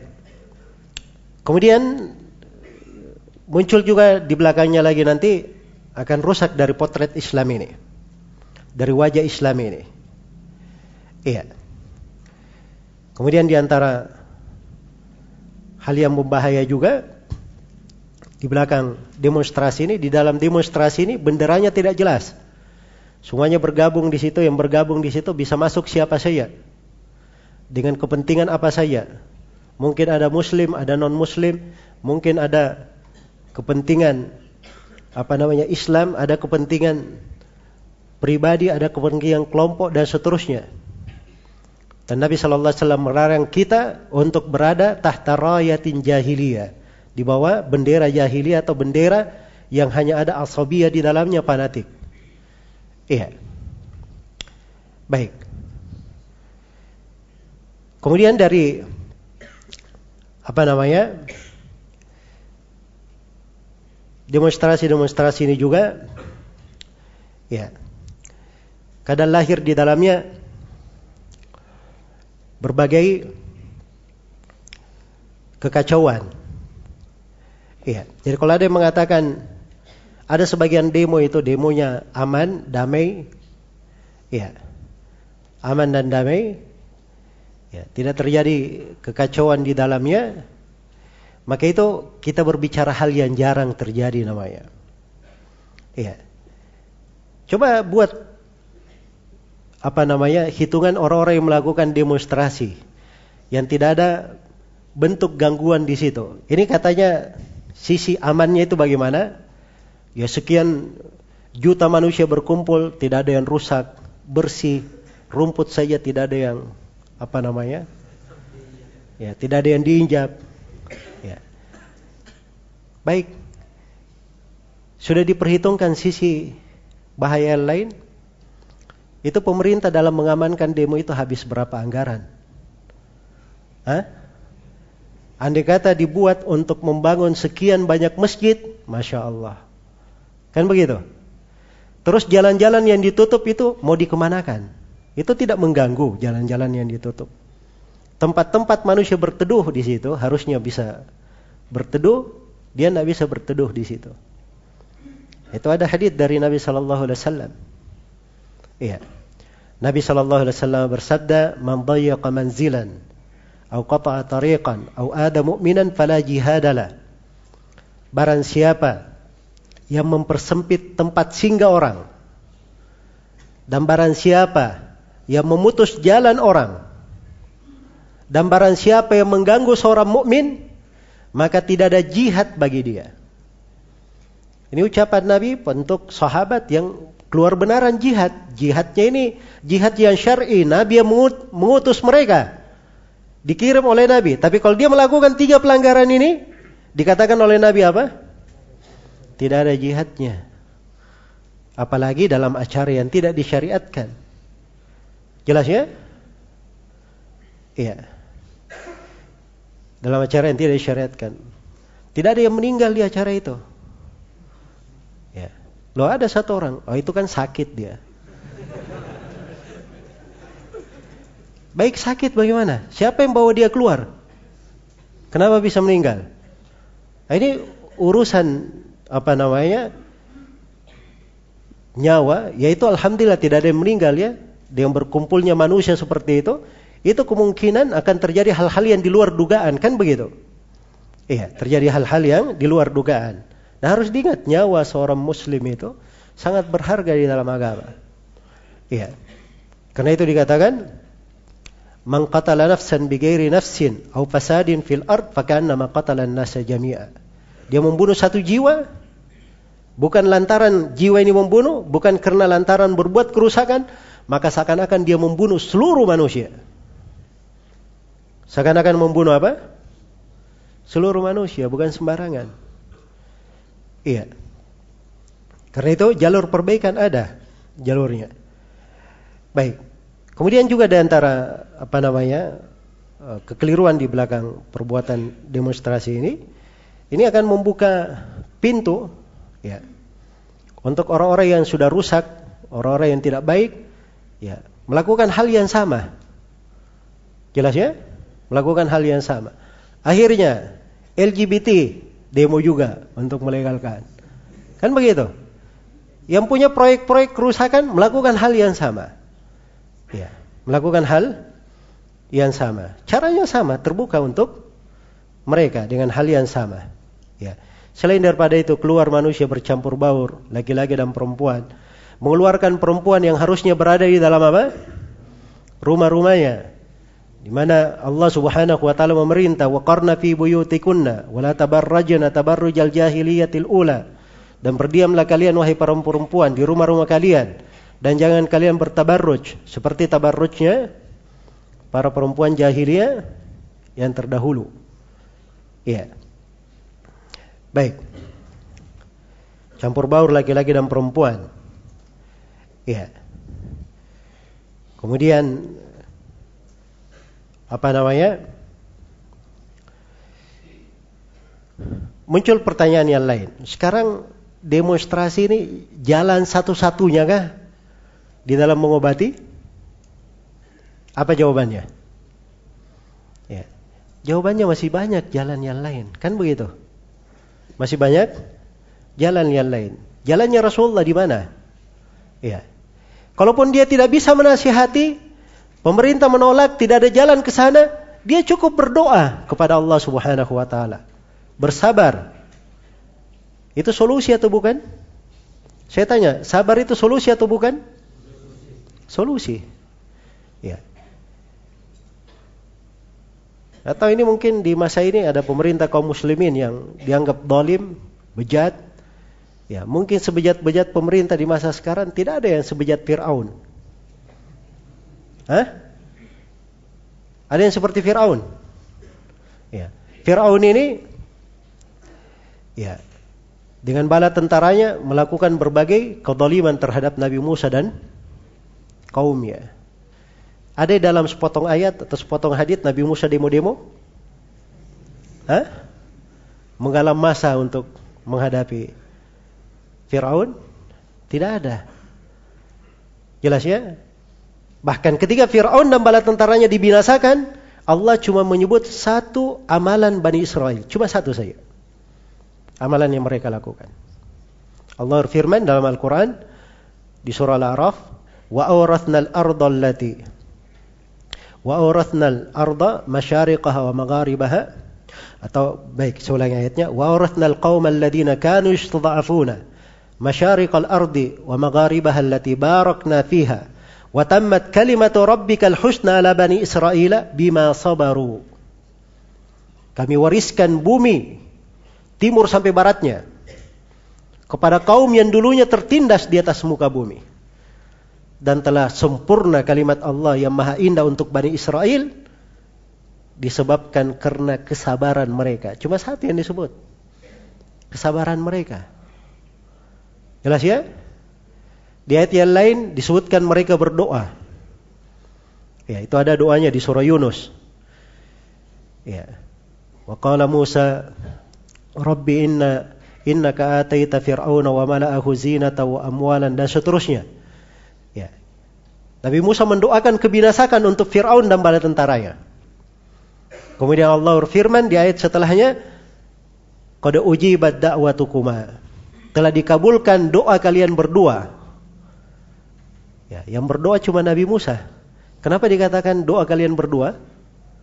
Karena kata para ulama, Nabi Musa berdoa, Nabi Harun mengaminkan. Makanya dianggap doa mereka berdua. Kata sebagian ulama ahli tafsir di ayat ini, ketika doa Nabi Musa dikabulkan, itu kan pasti Fir'aun dan bala tentaranya akan dibinasakan, kan begitu? Setelah itu, 40 tahun setelahnya, baru Fir'aun dan bala tentaranya di apa? Dibinasakan. Ya, kalau kita di masa sekarang ini, wah terlalu lama. Ya. Kapan mau terwujud kalau kita diam-diam saja? Sabar itu ada batasannya. Hah? Kan begitu? Ya. Nah, ini tidak ada di jalannya para nabi dan para rasul. Tidak di jalannya para nabi dan para rasul. Baik. Jadi ini di antara apa namanya dalil-dalil ya. Saya banyak sekali kalau saya mau terangkan hal-hal yang lain. Tapi di sini saya mau tutup dengan menyebutkan beberapa kaidah. Ya, supaya kita punya keahlian di dalam menimbang. Sebelum saya bahas tentang syubhat-syubhat. Baik. Ada tiga kaidah di sini di dalam agama. Yang pertama, kaidah la darar wa la dirar. Ini salah satu dari lima kaidah al-kubra di pembahasan fikih. Kaidah-kaidah fikih berasal dari hadith Hasan dari seluruh jalan-jalannya tidak ada bahaya dan tidak ada pembahayaan. Iya. Tidak ada bahaya dan tidak ada pembahayaan. Sudah tetap ya bahwa di dalam demonstrasi ini banyak kerusakan, banyak bahaya, sudah kita terangkan. Iya. Berdasarkan kaidah ini tidak boleh demonstrasi itu karena Islam ini tidak mengenal ada bahaya dan tidak mengenal ada apa? pembahayaan. Iya. Selain daripada dia mengganggu orang lain, dia juga bisa mengganggu dirinya. Ya. Mengganggu dirinya bisa sakit, bisa lemas. Ya. Ada yang bisa mati kan begitu? Ya. Ada yang mata pencaharian keluarganya terputus. Ada di sebagian sekolah pegawainya hilang. Ke mana? Pergi demo. ya. Nah, ini namanya kan membahayakan dirinya.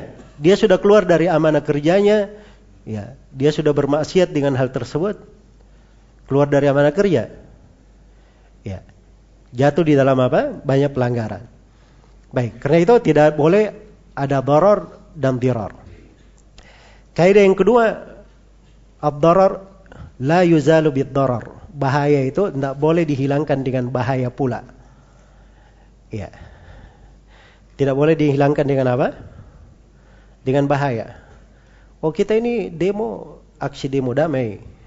Ya. Kita mengobati berbagai kondisi yang dihadapi oleh umat. Ingin memberikan solusi. Ingin memberikan solusi. Ya, supaya orang-orang pengangguran dapat pekerjaan. Ya, supaya para pegawai ini pekerjaan mereka mantap. Ya, tidak diganggu oleh pihak asing Ya, dan seterusnya ya biasa bahasa-bahasa yang biasa apa namanya pernah nyelinap juga saya dengar. ya. Baik. Jadi mereka katakan bahwa nah itu kita menghilangkan apa? Menghilangkan bahaya. Baik, kalaupun itu hal yang bagus, menghilangkan bahaya, dengan datangnya, dengan demo itu akan lahir bahaya-bahaya lebih besar daripada itu. Bahaya-bahaya yang lebih besar daripada itu. Ini bukan main-main ya, masalah demonstrasi ini. Iya. Keluar terhadap pemerintah.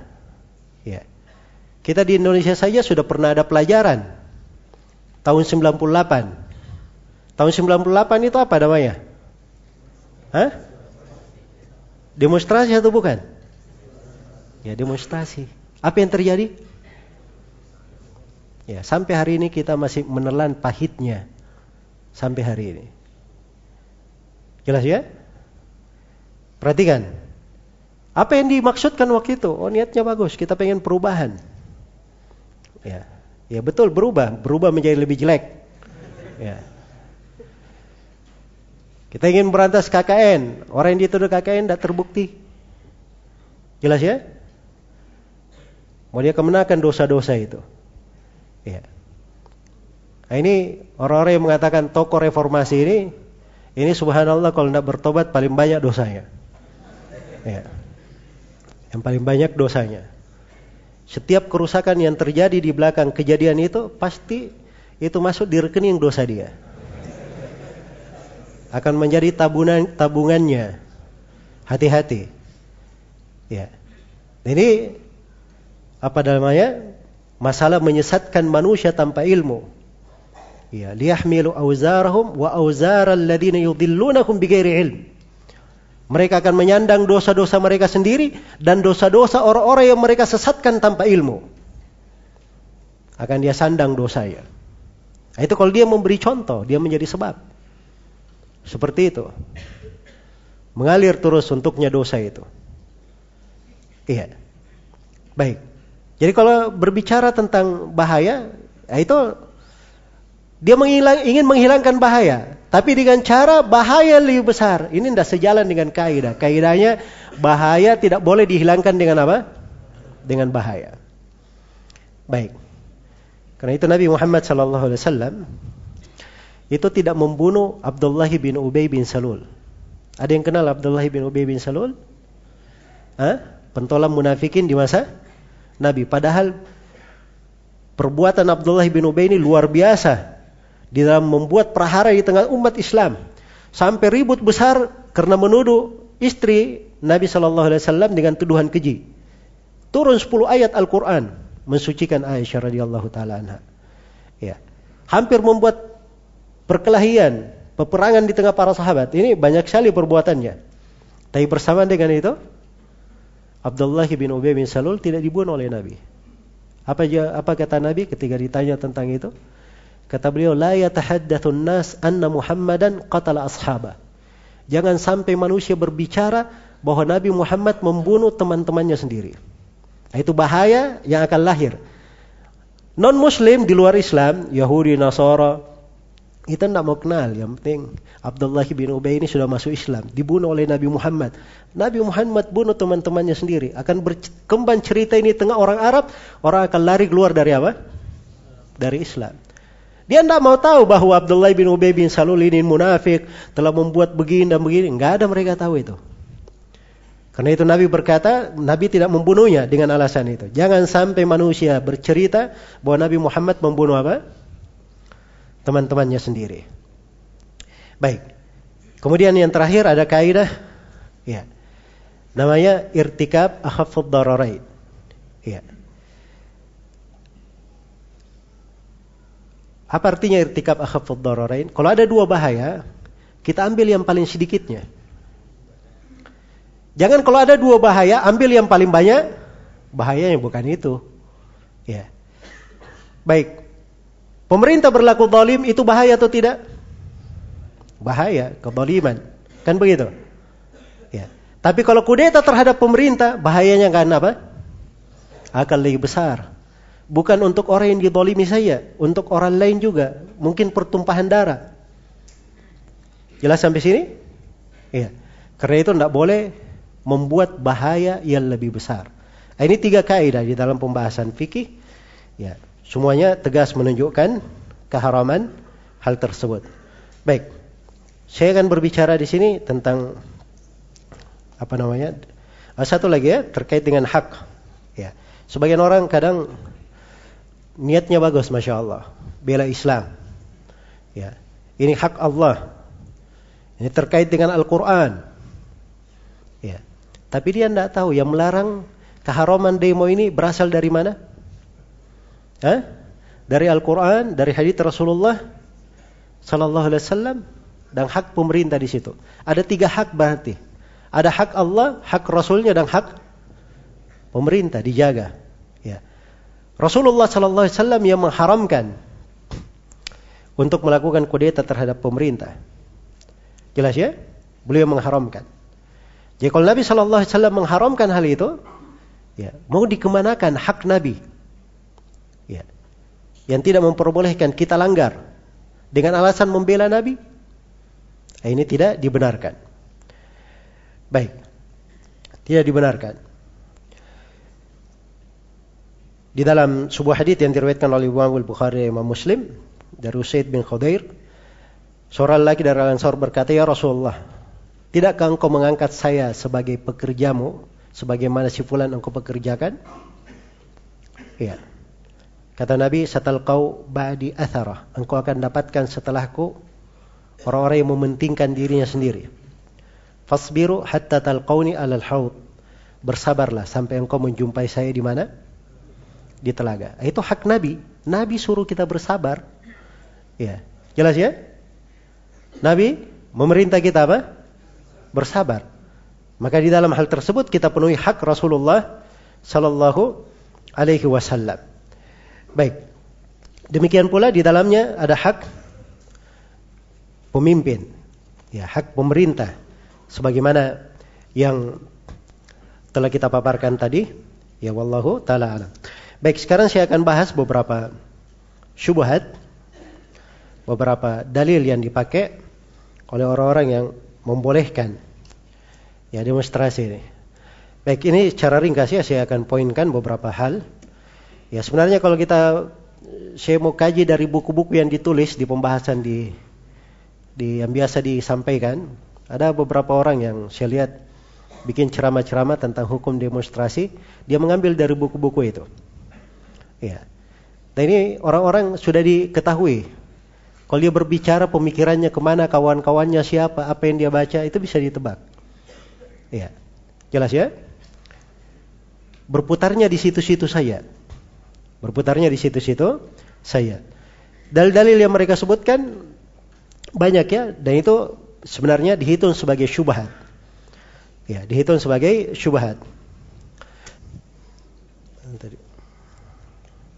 Baik, di antara syubhat yang paling banyak mereka sebutkan dan ini ada di beberapa tulisan. Ya. Ada yang berdalilkan dengan riwayat bahwa Nabi Shallallahu Alaihi Wasallam katanya disebutkan oleh Abu Nuaib dalam Al Hilya bahwa Nabi Shallallahu Alaihi Wasallam itu keluar setelah Islam, eh, setelah Umar bin Khattab masuk Islam. Ya. Dan para sahabat itu menjadi dua apa namanya?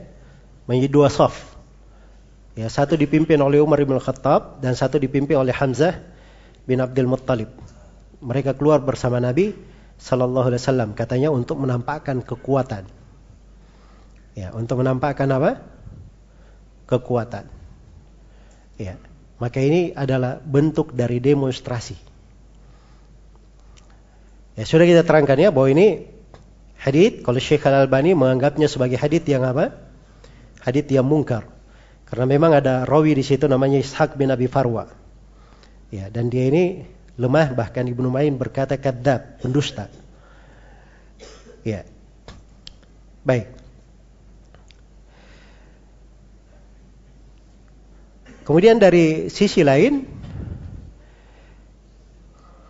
kondisi Nabi Shallallahu Alaihi Wasallam ketika di Mekah itu umat Islam di sana ber, di tengah kaum musyrikin, kaum musyrikin itu dihitung kafir harbi. Jelas ya? Terhitung apa? Kafir harbi. Jadi hal yang seperti itu biasa dilakukan. Namanya kaum muslimin dan di situ ada Nabi Shallallahu Alaihi Wasallam. Karena ada pemimpinnya. Jelas ya? Kalau memang Nabi yang melaku, di, di kehadiran Nabi itu tidak ada masalah. Baik. Kemudian yang kedua dari syubhat mereka dan ini yang banyak ditelontarkan bahwa demonstrasi ini adalah wasilah. Ya. Adalah wasilah. Wasilah dan uslub katanya. Ya. Baik. Dan wasilah itu asalnya boleh, kata mereka. Wasilah itu asalnya apa? Asalnya dibolehkan. Apalagi wasilah ini sudah terbukti bermanfaat. Nah, ini kalimat sudah terbukti bermanfaat kita akan bahas juga ya. Ya. Baik, pertama begini. Sekarang Nabi Shallallahu Alaihi Wasallam perintah kita untuk bersabar terhadap kesewenang-wenangan pemerintah. Benar atau tidak? Benar. Dalilnya tegas atau tidak? Tegas. Dalilnya mutawatir dan itu disepakati oleh para ulama. Kewajiban bersabar terhadap kezaliman apa? Pemerintah. Iya. Baik. Ada kaidah dalam fikih, dalam usul fikih, al-amru bisyai' nahyun an diddihi. Perintah akan sesuatu itu artinya larangan melakukan kebalikannya. Jelas ya? Jadi kalau kita diperintah bersabar, berarti kita dilarang apa? Hah? Dilarang melakukan demo, kan begitu? Iya. Maka ini ini artinya kalau dia katakan wasilah itu tidak benar. Sebab dia melanggar perintah Nabi sallallahu alaihi wasallam. Wasilah itu boleh dilakukan kalau tidak bertentangan dengan apa? Tidak bertentangan dengan perintah. Ya, satu. Sudut yang lainnya, wasilah itu boleh dilakukan kalau tidak ada hal yang dilarang di dalam syariat. Kalau wasilahnya benar tidak dilarang. Ini wasilahnya sendiri itu disertai dengan hal-hal yang apa? Dilarang. Kita sudah terangkan berbagai kerusakan di dalam demonstrasi itu. Baik. Iya. Jadi ini penggunaan wasilah di sini tidak benar. Kemudian yang kedua, mengatakan bahwa wasilahnya ini bermanfaat. Ya. Ada yang berkata demonstrasinya ini berhasil, masya Allah, sukses. Ya, karena kita melakukan demo seperti ini, akhirnya ya tercapai apa yang kita inginkan. Dan ini dari tipu daya syaitan kepada sebagian manusia. Iya. Karena di dalam Islam ini al-ghaya la tubarrirul wasilah. Tujuan itu tidak membenarkan wasilah. Jelas ya? Jangan sampai karena tujuannya, oh tujuan saya benar. Dia pakai semua wasilah untuk itu. Tidak benar seperti itu. Iya.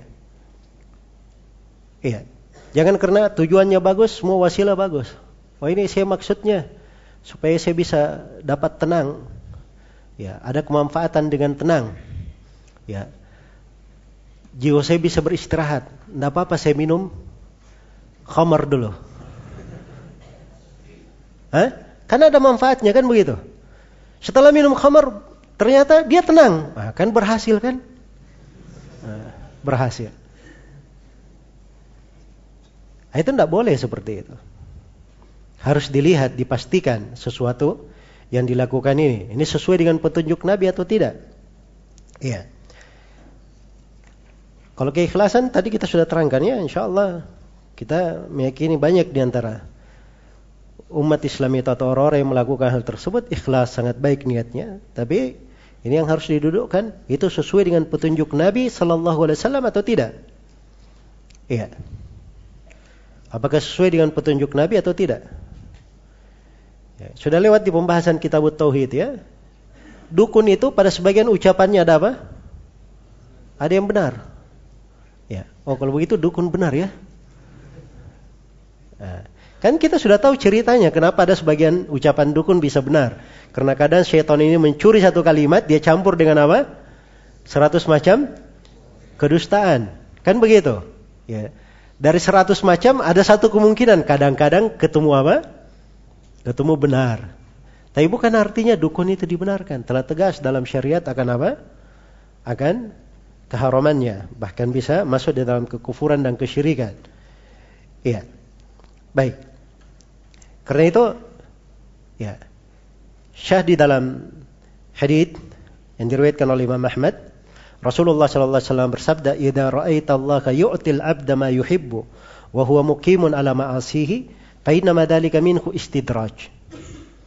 Apabila engkau melihat Allah memberi kepada seorang hamba apa yang dia sukai dan si hamba ini dia selalu berada di dalam maksiat tapi dia selalu dapat yang dia sukai maka ketahuilah itu hanyalah istidraj.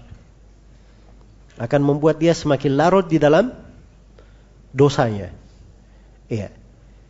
Kemudian beliau bacakan ayat falamma nasu ma dzukkiru bih fatahna alaihim abwaaba kulli syai' hatta idza hatta idza farihu bima utu akhadnahum bima kanu akhadnahum bagdatan faidahum mublisun. Begitu mereka melupakan apa yang diingatkan kepada mereka, maka kami bukakan untuk mereka pintu-pintu segala sesuatu. Sampai ketika mereka gembira, sudah bergembira dengan apa yang mereka dapatkan, kami siksa mereka secara tiba-tiba. Maka mereka pun diliputi dengan siksaan tidak bisa keluar darinya. Baik. Kemudian di antara uh, syubhat juga orang-orang yang apa namanya? Ada sebagian riwayat-riwayat ya, hadit-haditnya lemah, pendalilannya bukan pada tempatnya. Ya. Di antara syubhat juga katanya ini mudhaharat masuk dalam amar ma'ruf nahi munkar. Masuk dalam apa? Amar ma'ruf nahi munkar.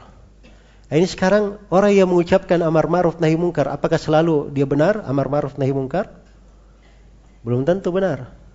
Orang-orang Mu'tazilah salah satu prinsip dasarnya adalah al-amru bil ma'ruf wa nahyu anil munkar. Salah satu prinsip dasar siapa? Mu'tazilah. Artinya kudeta terhadap pemerintah. Tapi bahasanya apa? Amar ma'ruf nahi munkar.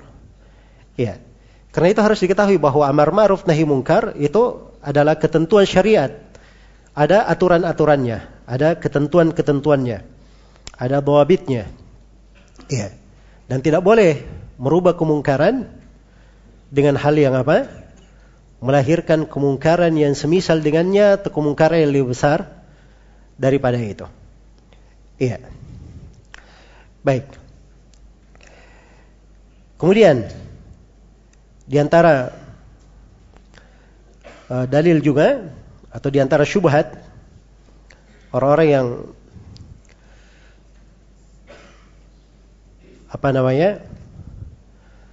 Membolehkan demonstrasi ini ya mereka berdalil bahwa dan ini banyak disebutkan ya belakangan ini ya ini ada penulis yang bernama Hatim Al Al-Auni Al-Syarif Hatim Al-Auni. Ya orang ini tampak kerusakan pemikirannya belakangan. Nah Kemarin ketika Syekh Wasiullah Abbas ke sini, ini orang Mekah ya. Beliau katakan bahwa ini orang sudah beliau ingatkan tentang bahaya pemikirannya semenjak dahulu. Ya, tapi baru kelihatan belakangan-belakangan ini. Ya. Nah, ini yang dipakai sekarang oleh sebagian orang untuk apa namanya? mengembangkan isu-isu Wahabi dari orang yang rusak pemikirannya ini. Salah satunya dia menulis tulisan tentang hukum demonstrasi damai. Ya. Dan dia sebutkan bahwa demonstrasi damai itu adalah wasilah salafiyah katanya. Ya. Itu adalah hal yang ditempuh oleh para sahabat. Ya. Ini naudzubillah ya. ya. Bagaimana syubhat itu? Kok bisa ditempuh oleh para sahabat? Katanya Aisyah Talha bin Ubaidillah, Az-Zubair bin Al-Awwam. Mereka semua berkumpul di perang apa? Di perang Jamal. Jadi mereka berkumpul di perang Jamal dalam bentuk seperti itu, itu adalah bentuk demonstrasi. Hah? Tidak setuju terhadap Ali bin Abi Thalib. Iya. Nah, ini keliru ya. Kalau orang baca di kisah di perang Jamal itu dimaklumi bahwa Aisyah radhiyallahu taala Talha dan Az-Zubair Mereka ini keluar untuk menuntut darah siapa? Utsman ibnu Affan. Ingin langsung menegakkan hukum terhadap orang yang membunuh siapa? Utsman ibnu Affan. Mereka itu bukan keluar untuk menekan Ali bin Abi Thalib. Tidak ada hubungannya dengan itu. Hanya ada kejadian yang terjadi di tengah jalan. Kan begitu? Tapi tujuan mereka keluar adalah itu. Dan ini ijtihad dari sahabat namanya. Dia pengen baik, ijtihad. Ya, dan Nabi Shallallahu Alaihi Wasallam bersabda, "Ida jatahadal hakim fa asaba falahu ajran wa wa idza akhta falahu ajrun wahid." Apabila seorang hakim berijtihad lalu dia benar, maka dia dapat pahala. Kalau dia keliru maka dapat kalau dia benar dapat dua pahala, kalau keliru maka dapat satu pahala saja. Nah, ini para sahabat ijtihad di tengah mereka. Jelas ya? Ijtihad di tengah mereka. Yang keliru itu kita. Kalau sahabat dia benar dua pahala, yang salah satu pahala. Kalau kita dapat dosa. Jelas ya, ikut-ikut di urusan ahli ijtihad. Ya. Baik. Jadi berdalilkan dengan kisah ini untuk demonstrasi ini dari kekeliruan yang sangat besar ya. Jadi mereka keluar bukan untuk mendemo Ali bin Abi Thalib. Ya. Tapi untuk menghadapi dan mengeksekusi orang yang menumpahkan darah Uthman ibn Affan radhiyallahu taala anhum ajmain. Baik. Kemudian yang yang kedua, ya, apa yang muncul dari Aisyah, Zubair dan Talha, ya. Ini kekeliruan mereka sendiri sudah menyesalinya. Kekeliruan mereka sendiri sudah apa? Sudah menyelesai uh, sudah menyesalinya. Kemudian selain daripada itu, mereka diselisihi oleh para sahabat yang lainnya di dalam hal itu. Iya. Baik. Iya. Ini juga ada yang ceramah. Dia sebutkan bahwa di tengah para as-salaf juga ada demo. Ya. Baik. Bagaimana demonya di tengah para as-salaf? Perasaan kirim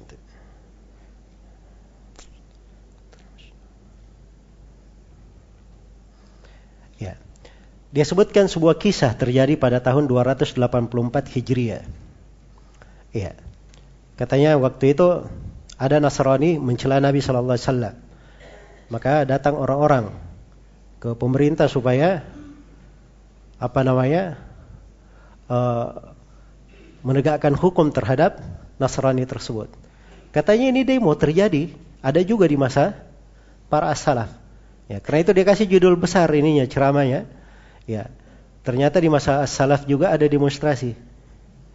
Ya. Ini keliru ya, 285 itu Imamul Bukhari saja meninggal tahun berapa? 256 Hijriah. Dan Imamul Bukhari ini tidak masuk di tidak masuk sudah di kalangan tabiut tabiin. Ya, as-salaf itu sahabat, tabiin dan apa? Tabiut tabiin. Yang lainnya kalau masuk kepada as-salaf, eh, itu artinya mengikuti jalan mereka. Betul Al-Bukhari as-salaf. Dari sisi mengikuti jalan tiga generasi terbaik. Kan begitu? Kemudian kalau ingin orang yang kumpul-kumpul, tidak usah pakai kisah itu. Pakai aja kisah kaum khawarij yang mengepung rumah Utsman bin Affan. Nah, itu di masa salaf, di masa sahabat malah terjadinya. Ya. Bilang aja salaf demo. Siapa yang mendemo? Itu yang mendemo Utsman bin Affan. Nah. Jelas ya? Dan itu ada sebagian orang yang pakai dalil itu. Bahwa yang mendemo itu katanya ada sebagian sahabat yang ikut di situ. Dan itu dusta terhadap sahabat. Tidak ada sahabat yang bersyirikat di situ. Bahkan sahabat itu mereka menunggu perintah Uthman ibnu Affan sebagai pemerintah. Kalau Uthman perintah untuk memerangi orang-orang yang mengepun rumahnya ini akan dihabisi oleh para sahabat. Tapi Uthman lebih berpikir untuk apa? Bersabar radhiyallahu taala anhu dan itu jitihad beliau radhiyallahu taala anhu. Jelas sampai sini ya? Jadi mengatakan bahwa itu apa namanya? nisbat kepada as-salaf, as-salaf melakukan hal yang seperti itu, itu keliru ya, subhanallah. Tidak boleh seorang itu ya apa namanya menisbatkan sesuatu kepada para as-salaf yang mengatakan sesuatu yang mereka tidak lakukan. Di muqaddimah sahih Muslim Imam Muslim rahimahullahu taala itu meriwayatkan ya dengan sanetnya kepada Abdullah ibn Mubarak. Ibn Mubarak, Ibn Mubarak rahimahullah berkata kepada manusia. Kata beliau, "Da'u hadis Amr bin Thabit." Fa innahu kana yasubbu salaf. Kata beliau, tinggalkanlah hadis Amr bin Thabit. Karena Amr bin Thabit ini mencela para as-salaf. Ya, kalau ini tinggalkanlah hadis orang yang seperti itu, pembicara orang yang seperti itu, karena dia berdusta terhadap as-salaf. Ya. Orang-orang yang seperti ini tidak boleh dibiarkan ya berbicara terhadap nas-nas syariat yang menisbatkan sesuatu kepada para as-salaf, hal yang mereka tidak ucapkan sama sekali. Baik. Kemudian di antara apa namanya?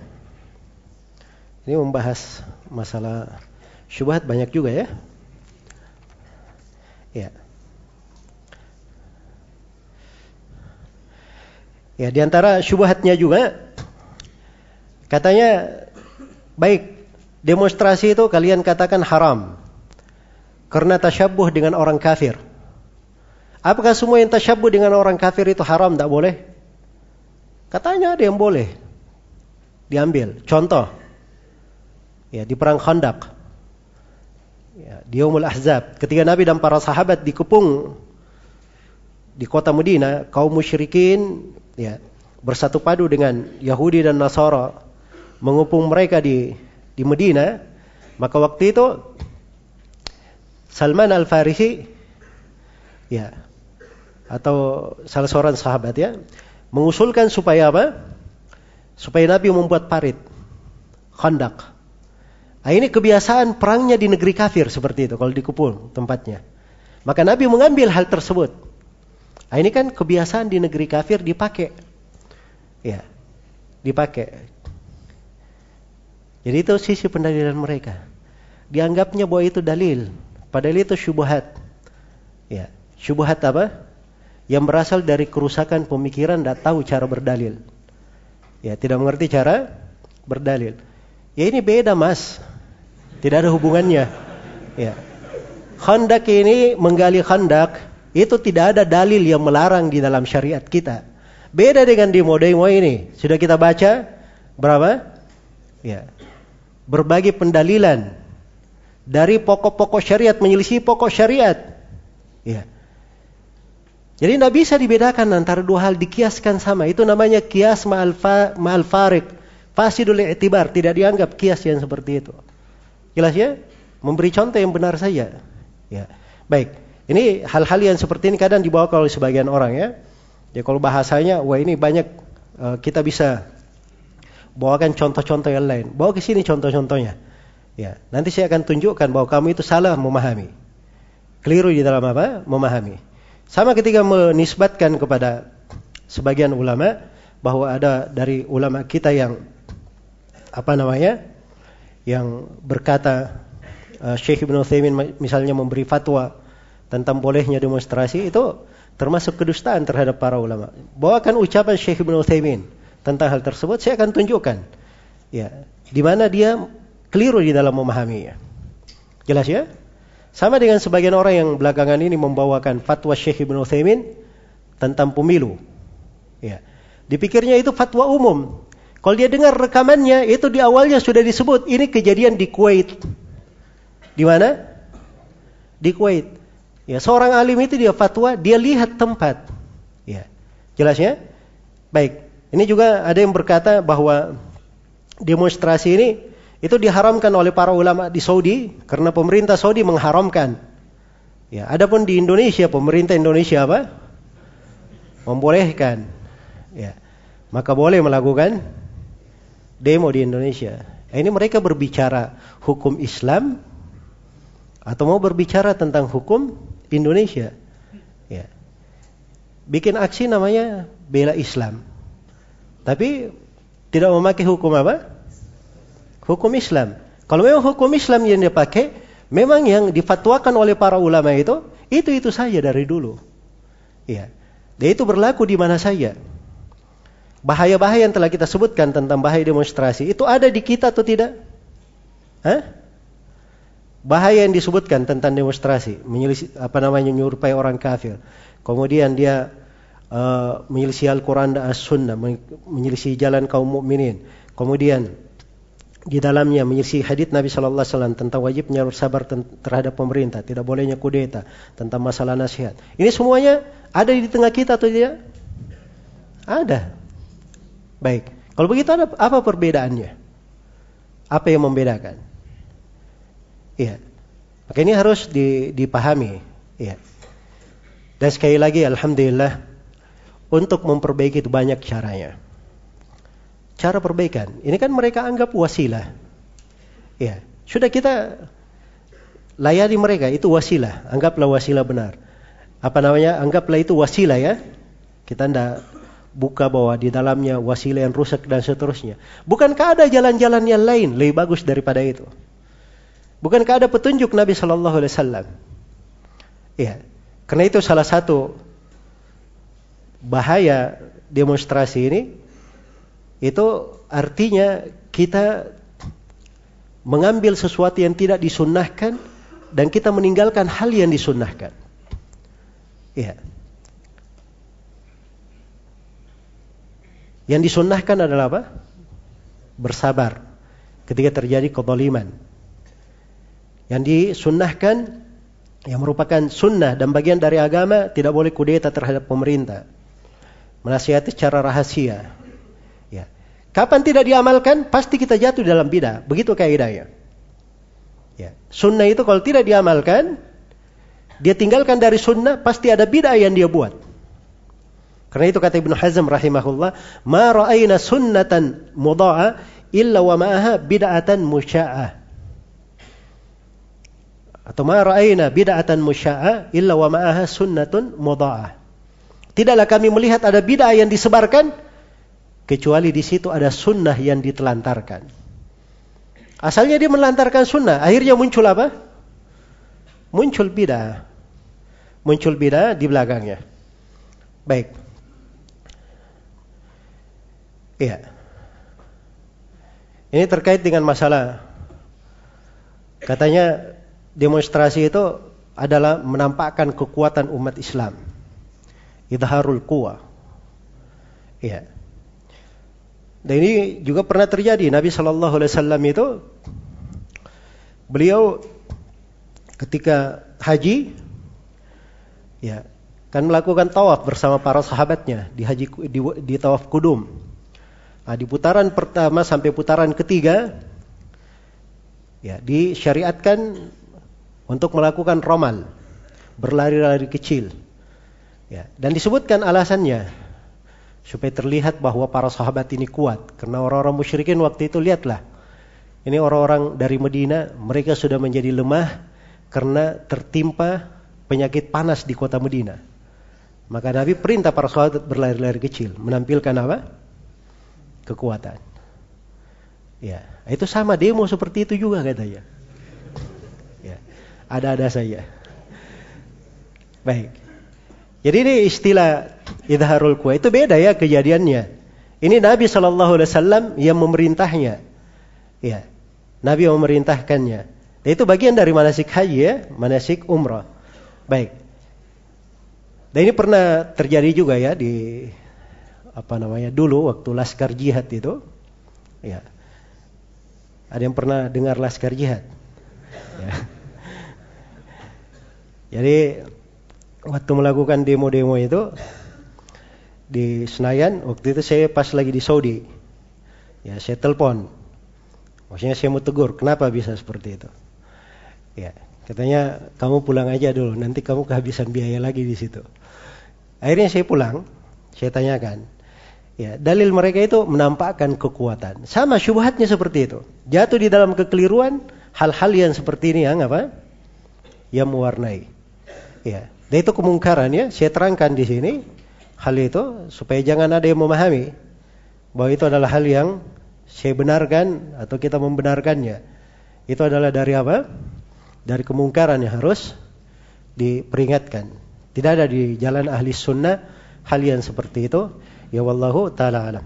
Baik, ini mungkin yang bisa saya sampaikan ya pada pertemuan kali ini. Mungkin ringkas dan masih banyak hal yang saya belum terangkan tapi mudah-mudahan apa yang kita jelaskan pada kesempatan ini ada manfaatnya untuk semuanya wallahu taala alam. Subhanakallahumma wa bihamdik asyhadu an la ilaha illa anta astaghfiruka wa atubu ilaik walhamdulillahi rabbil alamin. Wassalamualaikum warahmatullahi wabarakatuh. Baik, ini ada beberapa pertanyaan ya.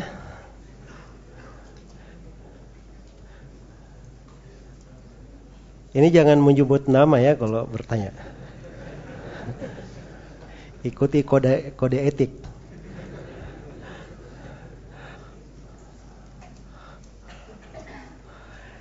Baik, katanya ada yang bertanya tentang Syekh Fulan bin Fulan, disebut nama syekhnya. Dia mendatangi organisasi tertentu. Katanya syekhnya ini berasal dari Yaman, murid Syekh Mukbil juga. Ya pertama saya nggak kenal ya dengan nama yang disebutkan. Ya. Dan tidak penting juga saya kenal.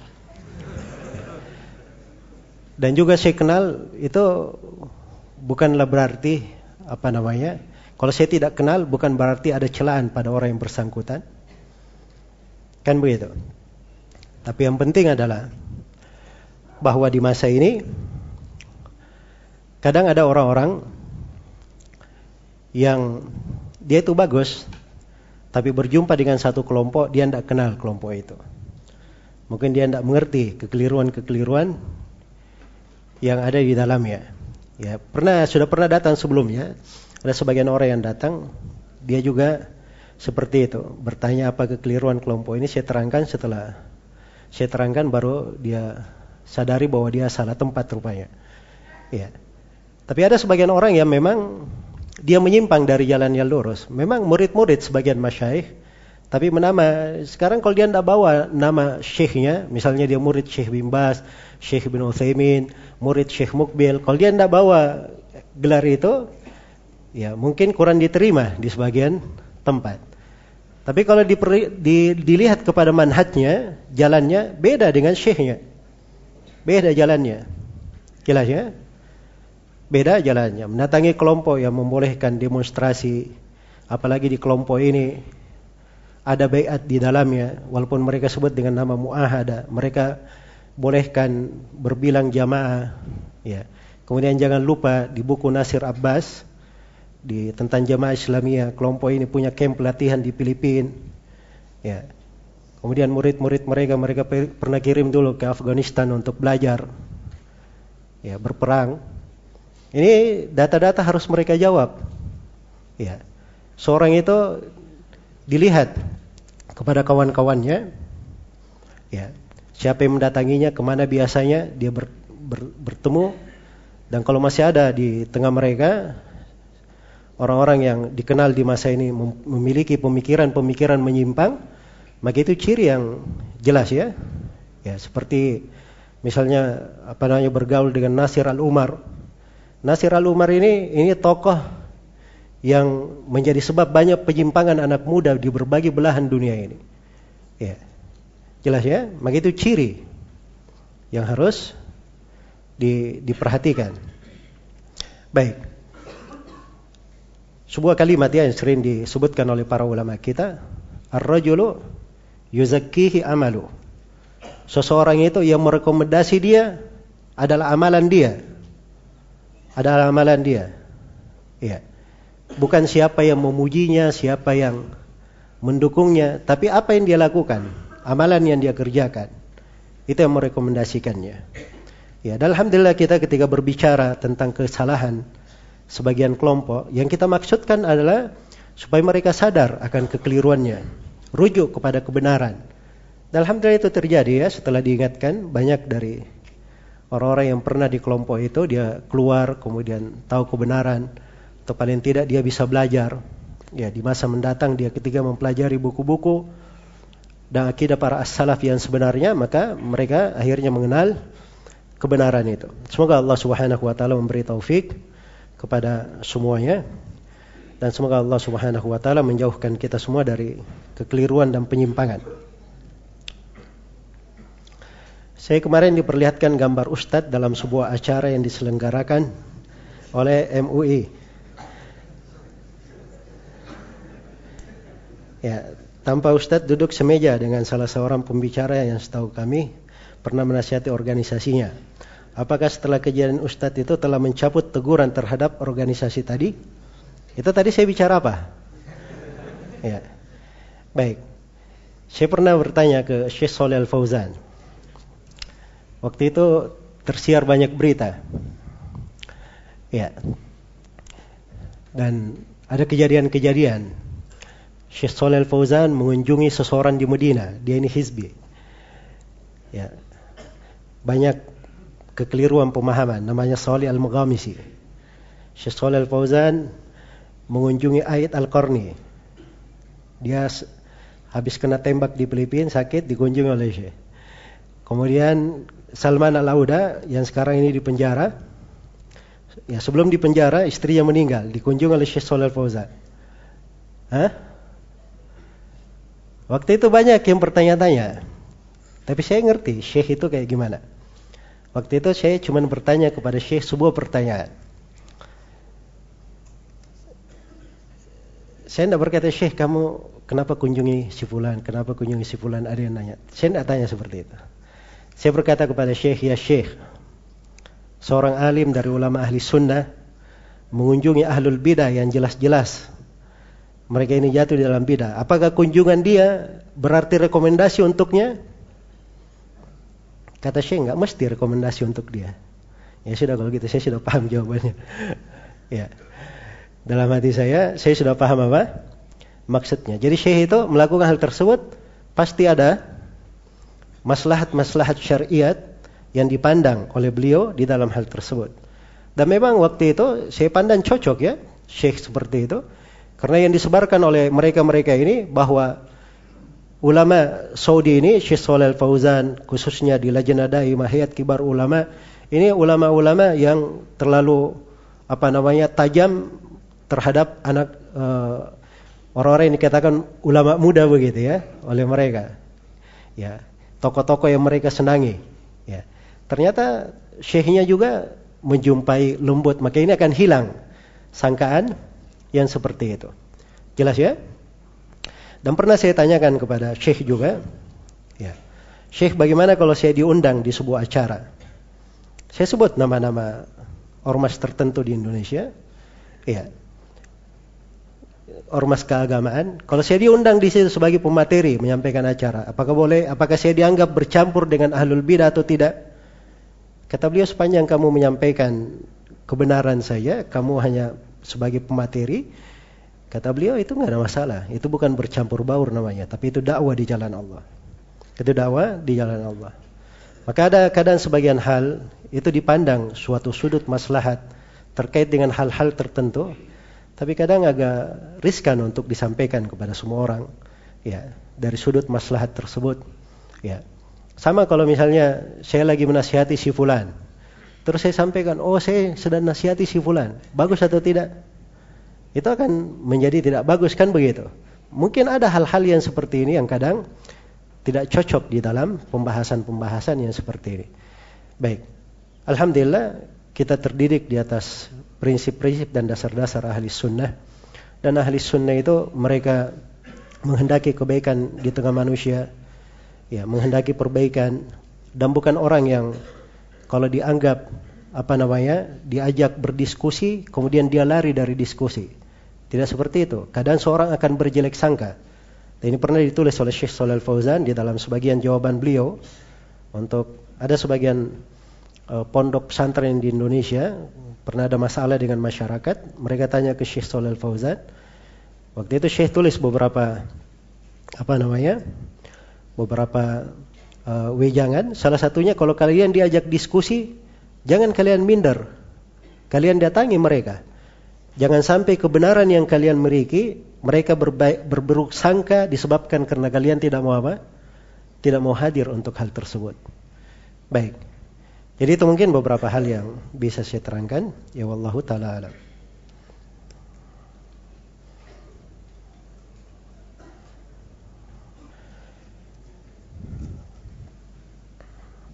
Indonesia adalah negara Islam. Kapan suatu negara dikatakan negara Islam? Apakah hukum Islam sepenuhnya atau sebagiannya? Mohon penjelasannya. Ini dibahas ya di pembahasan buku-buku fikih. Ya, sebuah negeri itu kita jangan bahasakan negara ya, bahasa negeri. Sebuah negeri dihitung sebagai negeri Islam kapan? Ya. Apakah dihitung kepada syiar-syiar Islam yang dia lakukan atau dihitung kepada kebanyakan kaum muslimin? Ya, tidak diragukan ya kalau dia berhukum dengan hukum Islam itu pasti negeri apa? Negeri Islam. Tapi kalau negeri tersebut kebanyakannya kaum muslimin dan syiar-syiar Islam juga ditegakkan, adan dikumandangkan, ha? sholat berjamaah berada di mana-mana, masjid berada di mana-mana, maka ini negeri kaum muslimin. Negeri kaum muslimin. Adapun di dalam negeri itu terjadi beberapa kesalahan, seperti misalnya tidak berhukum dengan selain hukum Allah, maka ini tidak mengeluarkannya dari mana seorang pimpinan negara itu adalah seorang muslim yang wajib kita dengar dan kita taati dalam hal yang apa? Hal yang ma'ruf. Baik. Dan ini dibahas ya di dalam pembahasan buku-buku akidah.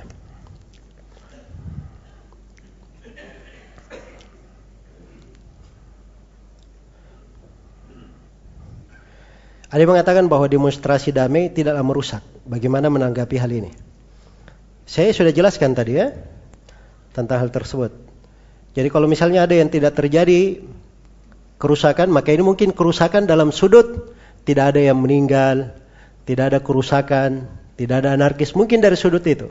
Tapi dari sudut lain, eh, adanya harta yang ditelantarkan, menghalangi jalan manusia dan seterusnya itu pasti apa? Kerusakan-kerusakan itu pasti ada. Baik. Itu dari satu sisi. Kemudian sisi yang lain, demonstrasi-demonstrasi itu itu semenjak adanya ya dihukum kebanyakannya itu menimbulkan kerusakan-kerusakan. Ya. Jadi kalau di sebagian keadaan tidak terjadi apa-apa, itu namanya jarang. Dan kaidahnya seperti yang disebutkan oleh Ibnu Al-Qayyim rahimahullahu taala dalam I'lam al-Muwaqqi'in bahwa syariat umum itu, syariat umum itu tidak dibangun di atas kejadian-kejadian yang jarang terjadi. Pada hal-hal yang jarang terjadi. Maka yang nadir seperti ini, yang jarang seperti ini itu dikatakan tidak ada hukumnya. Tidak ada hukumnya. Baik. Ada yang bertanya tentang Siapakah Syekh Abdullah Damiji yang memberi fatwa boleh demonstrasi? Abdullah Damiji ini seorang dosen ya di Ummul Qura. Memang dia punya pemikiran menyimpang dari dahulu. Dia punya buku yang berjudul Al-Imamatul Udma. Di dalam bukunya itu terdapat pemahaman-pemahaman keliru dari jalan ahli sunnah cenderung ke pemahaman kaum khawarij terkait dengan pemahaman apa? Kepemimpinan di dalam Islam. Iya. Jadi kalau dia memberi apa namanya uh, jawaban yang seperti itu itu biasa. Tapi yang menjadi masalah ini yang saya heran orang yang bertanya, ya, di mana akalnya bertanya kepada orang-orang yang seperti ini. Nah, ini bukan ahli fatwa, layak untuk apa? Untuk ditanyai dalam perkara-perkara yang seperti ini. Saya pernah tanyakan ke Syekh Shalal Fauzan tentang hal ini. Beliau katakan, itu tidak keluar kecuali dari orang yang apa? Pemahamannya rusak, pemahamannya tidak benar. Pernah saya katakan kepada Syekh Shalal ya Syekh, benarkah bahwa Syekh Ibn Uthaymin memberi fatwa bolehnya demonstrasi? Kata beliau demonstrasi itu semuanya kejelekan, walaupun difatwakan oleh Syekh Ibn Uthaymin. Boleh ya. ya.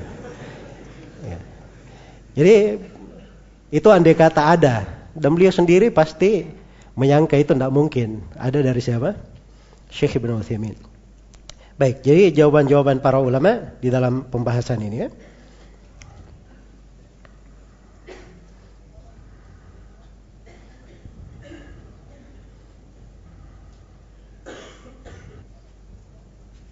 Ini pertanyaan sudah terjawab semua ya di di materi.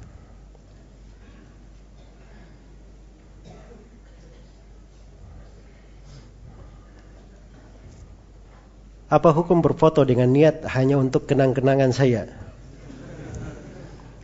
Foto itu hukumnya haram ya. Tidak diperbolehkan kecuali untuk sesuatu yang dianggap boleh di dalam syariat. Seperti kalau darurat atau ada keperluan tertentu. Ya dan saya memang izinkan ya pada sebagian tempat itu untuk dokumentasi di pihak penyelenggara itu saya izinkan pada sebagian tempat. Ya tapi kadang namanya kejadian-kejadian uh, seperti itu kadang ikut nebeng orang-orang yang kita tidak kenal atau punya maksud tertentu. Ya semoga Allah Subhanahu wa taala memaafkan.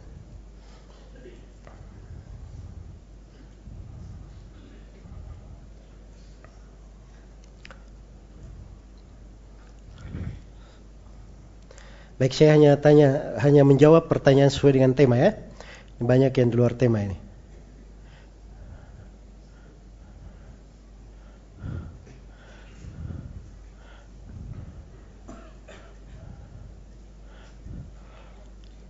Apakah Ustadz membolehkan share video dakwah Ustadz di media sosial dengan niat amar ma'ruf nahi mungkar?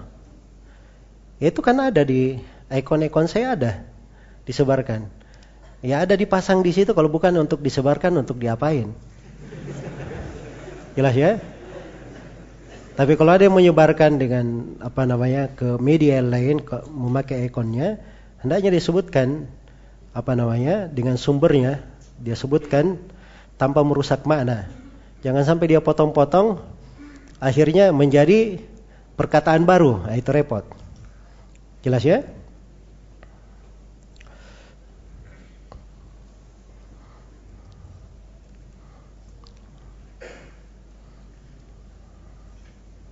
Sebagian orang membolehkan demo dan menolak fatwa para masyaikh adalah karena ilmu fikul waqi'. Bahwa di Saudi memang dilarang demo, tapi di Indonesia diperbolehkan oleh penguasa. Jadi tidak mengapa berdasarkan ilmu fikul waqi'. Nah, ini dia tidak tahu fikul waqi' itu apa. Ya. Fikul waqi' itu artinya dia punya fikih tentang realita. Ya untuk memiliki fikih tentang realita itu ada dua yang diperlukan. Yang pertama dia punya tasawur realita tersebut, bagaimana hakikatnya. Dia ada gambaran. Setelah dia ada gambaran, dia tahu hukum syar'i tentang hal tersebut. Jelas ya? Jadi kita orang Indonesia kita tahu realitanya, tapi hukum syar'inya belum tentu kita tahu. Jelas ya? Ada sebagian masalah saya tanyakan ke Syekh Shalal Fauzan, kata beliau kamu saya yang tentukan, kamu saya yang jawab. Ya, beliau bilang begitu saya, kepada saya. Tapi saya tahu diri pada hal-hal yang terkait dengan apa?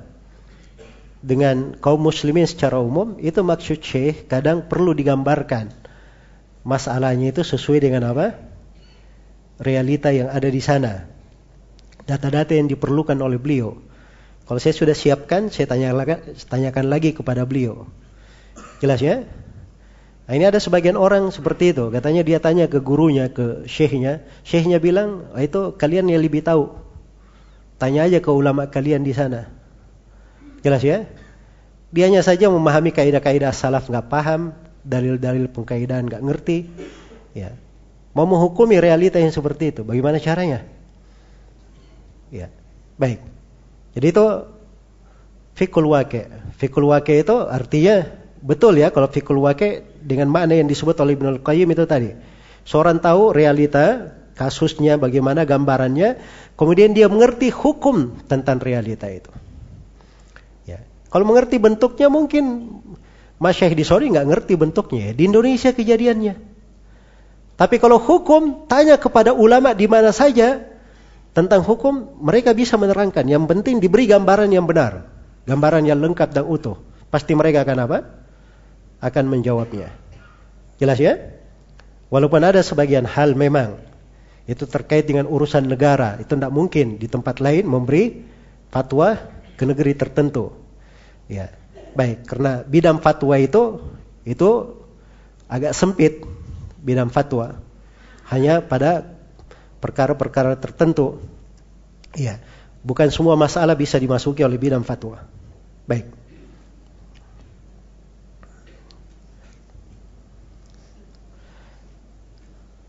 Apakah kajian ilmi ilmiah ini akan dibukukan?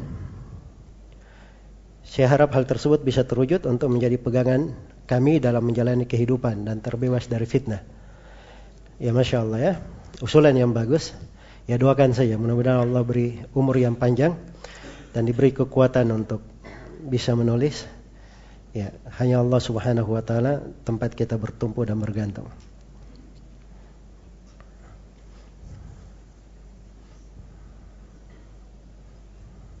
Bagaimana menyikapi bahwa salafi keras terhadap sesama muslim tapi lemah lembut terhadap terhadap penguasa zalim?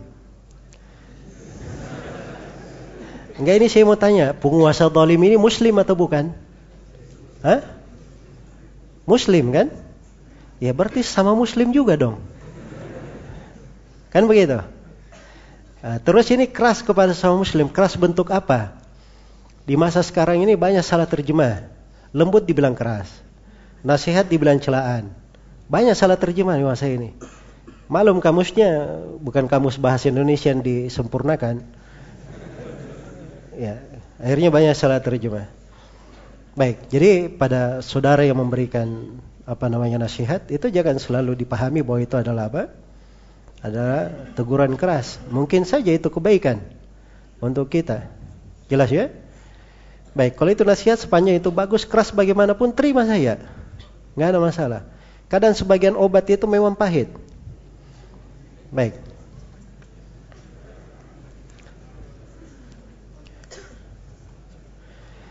Bagaimana menyikapi orang yang membolehkan demo dengan dalil apabila tidak mampu mencegah dengan tangan maka cegahlah dengan apa? Dengan lisan. Ya. Ini kan sudah saya terangkan. Haditnya man ra'a minkum mungkaran. Siapa yang melihat kemungkaran. Ya. Dan itu cara mencegahnya itu sesuai dengan wewenang masing-masing. Kalau hal yang bersifat umum, merubah dengan tangan, itu hanya pemerintah saya.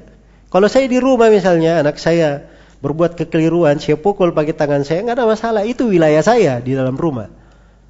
Jelas ya? Tapi kalau di luar saya bisa dengan lisan. Tapi ada hal di luar saya nggak bisa rubah dengan lisan, hanya dengan hati saya.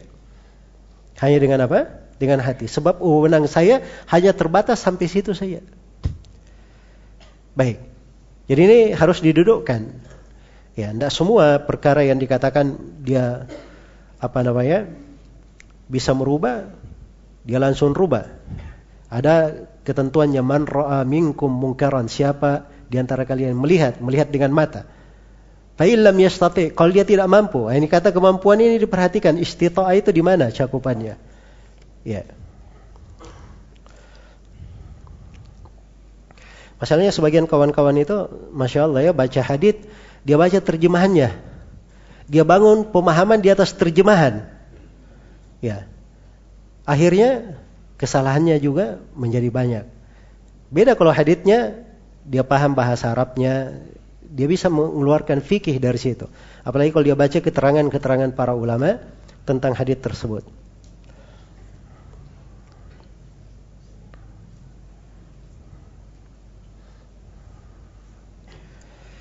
Bagaimana pendapat Ustadz tentang pemahaman ayat? Hendaknya ada sekelompok di antara kalian yang menyuruh amar ma'ruf nahi mungkar yang dijadikan dalil wajib seorang muslim bergabung di organisasi muslim. Itu dalilnya Hizbut Tahrir. Untuk membentuk kelompok, partai, golongan. Wal takum minkum ummatun yad'una ilal khair wa ya'muruna bil ma'ruf wa yanhauna 'anil munkar. Itu dalil yang mereka pakai. Sudah lama dipakai oleh Taqiyuddin An-Nabahani. Jelas ya? Dan itu adalah pendalilan yang batil. Iya. Di situ umat apa maksudnya umat? Kalian sebagai umat seluruhnya, sifat kalian seperti itu. Sifat kalian seperti itu. Bukan disuruh membuat partai kelompok. Ya. Berpartai, berkelompok, berjamaah, bergolong-golongan itu ada ayat-ayat yang melarangnya. Bahkan kalau dia baca ayat ini ada ayat sebelumnya wa atasimu bihablillahi jami'an wala Wala tafarraqu, jangan kalian bercerah-berah. Dan di ayat setelahnya wala takunu kalladzina tafarraqu wakhtalafu min ba'di ma ja'atkumul bayyinat. Dan dia kalau baca ayat-ayat yang lain banyak dalam Al-Qur'an yang melarang. Jelas ya? Maka ini keliru di dalam memahami. Keliru di dalam memahami. Ya, sama dengan beberapa ayat setelahnya. Ada sebagian kelompok mengatakan disyariatkan khuruj. Ya. 40 hari. Ya. Sekian hari Dalilnya apa? Kuntum khaira ummatin ukhrijat linnas. Kalian sebaik-baik umat yang ukhrijat. Ukhrijat itu khuruj katanya. Ya. Untuk umat. Ini kan pendalilan Ani bin Ajaib. Kenapa dia tidak pakai ayat tentang penduduk neraka? Wa ma hum bikharijina minha. Dan mereka tidak keluar darinya. Itu kan khuruj juga di situ. Ya. Baik. Jadi ini pendalilan-pendalilan bukan pada tempatnya ya.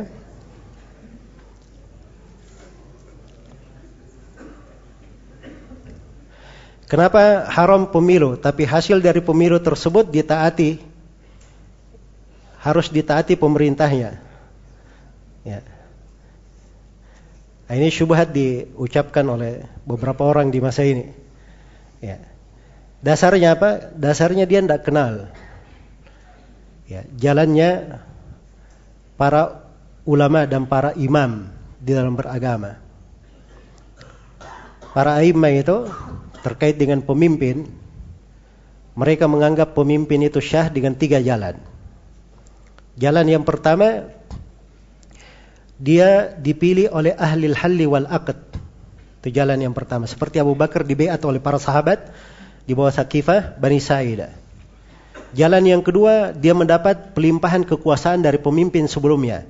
Ini dinamakan walayatul ahdi. Iya.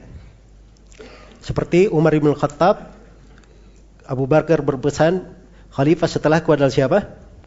Umar Ibn Khattab. Inilah yang dikatakan oleh sebagian orang dengan mencibir menyebutnya sistem monarki. Putra mahkota ini sistem yang dipakai. Dan ini jalan syariat. Jalan disyariatkan. Jelas ya? Baik. Dan yang ketiga, kalau ada pemimpin yang sudah berkuasa dengan kekuatannya. Dengan cara keliru tapi sudah terlanjur berkuasa. Maka ini juga menurut kesepakatan ulama wajib untuk dianggap sebagai penguasa, didengar dan ditaati untuk menjaga kebersamaan kaum muslimin dan menghindarkan dari pertumpahan darah.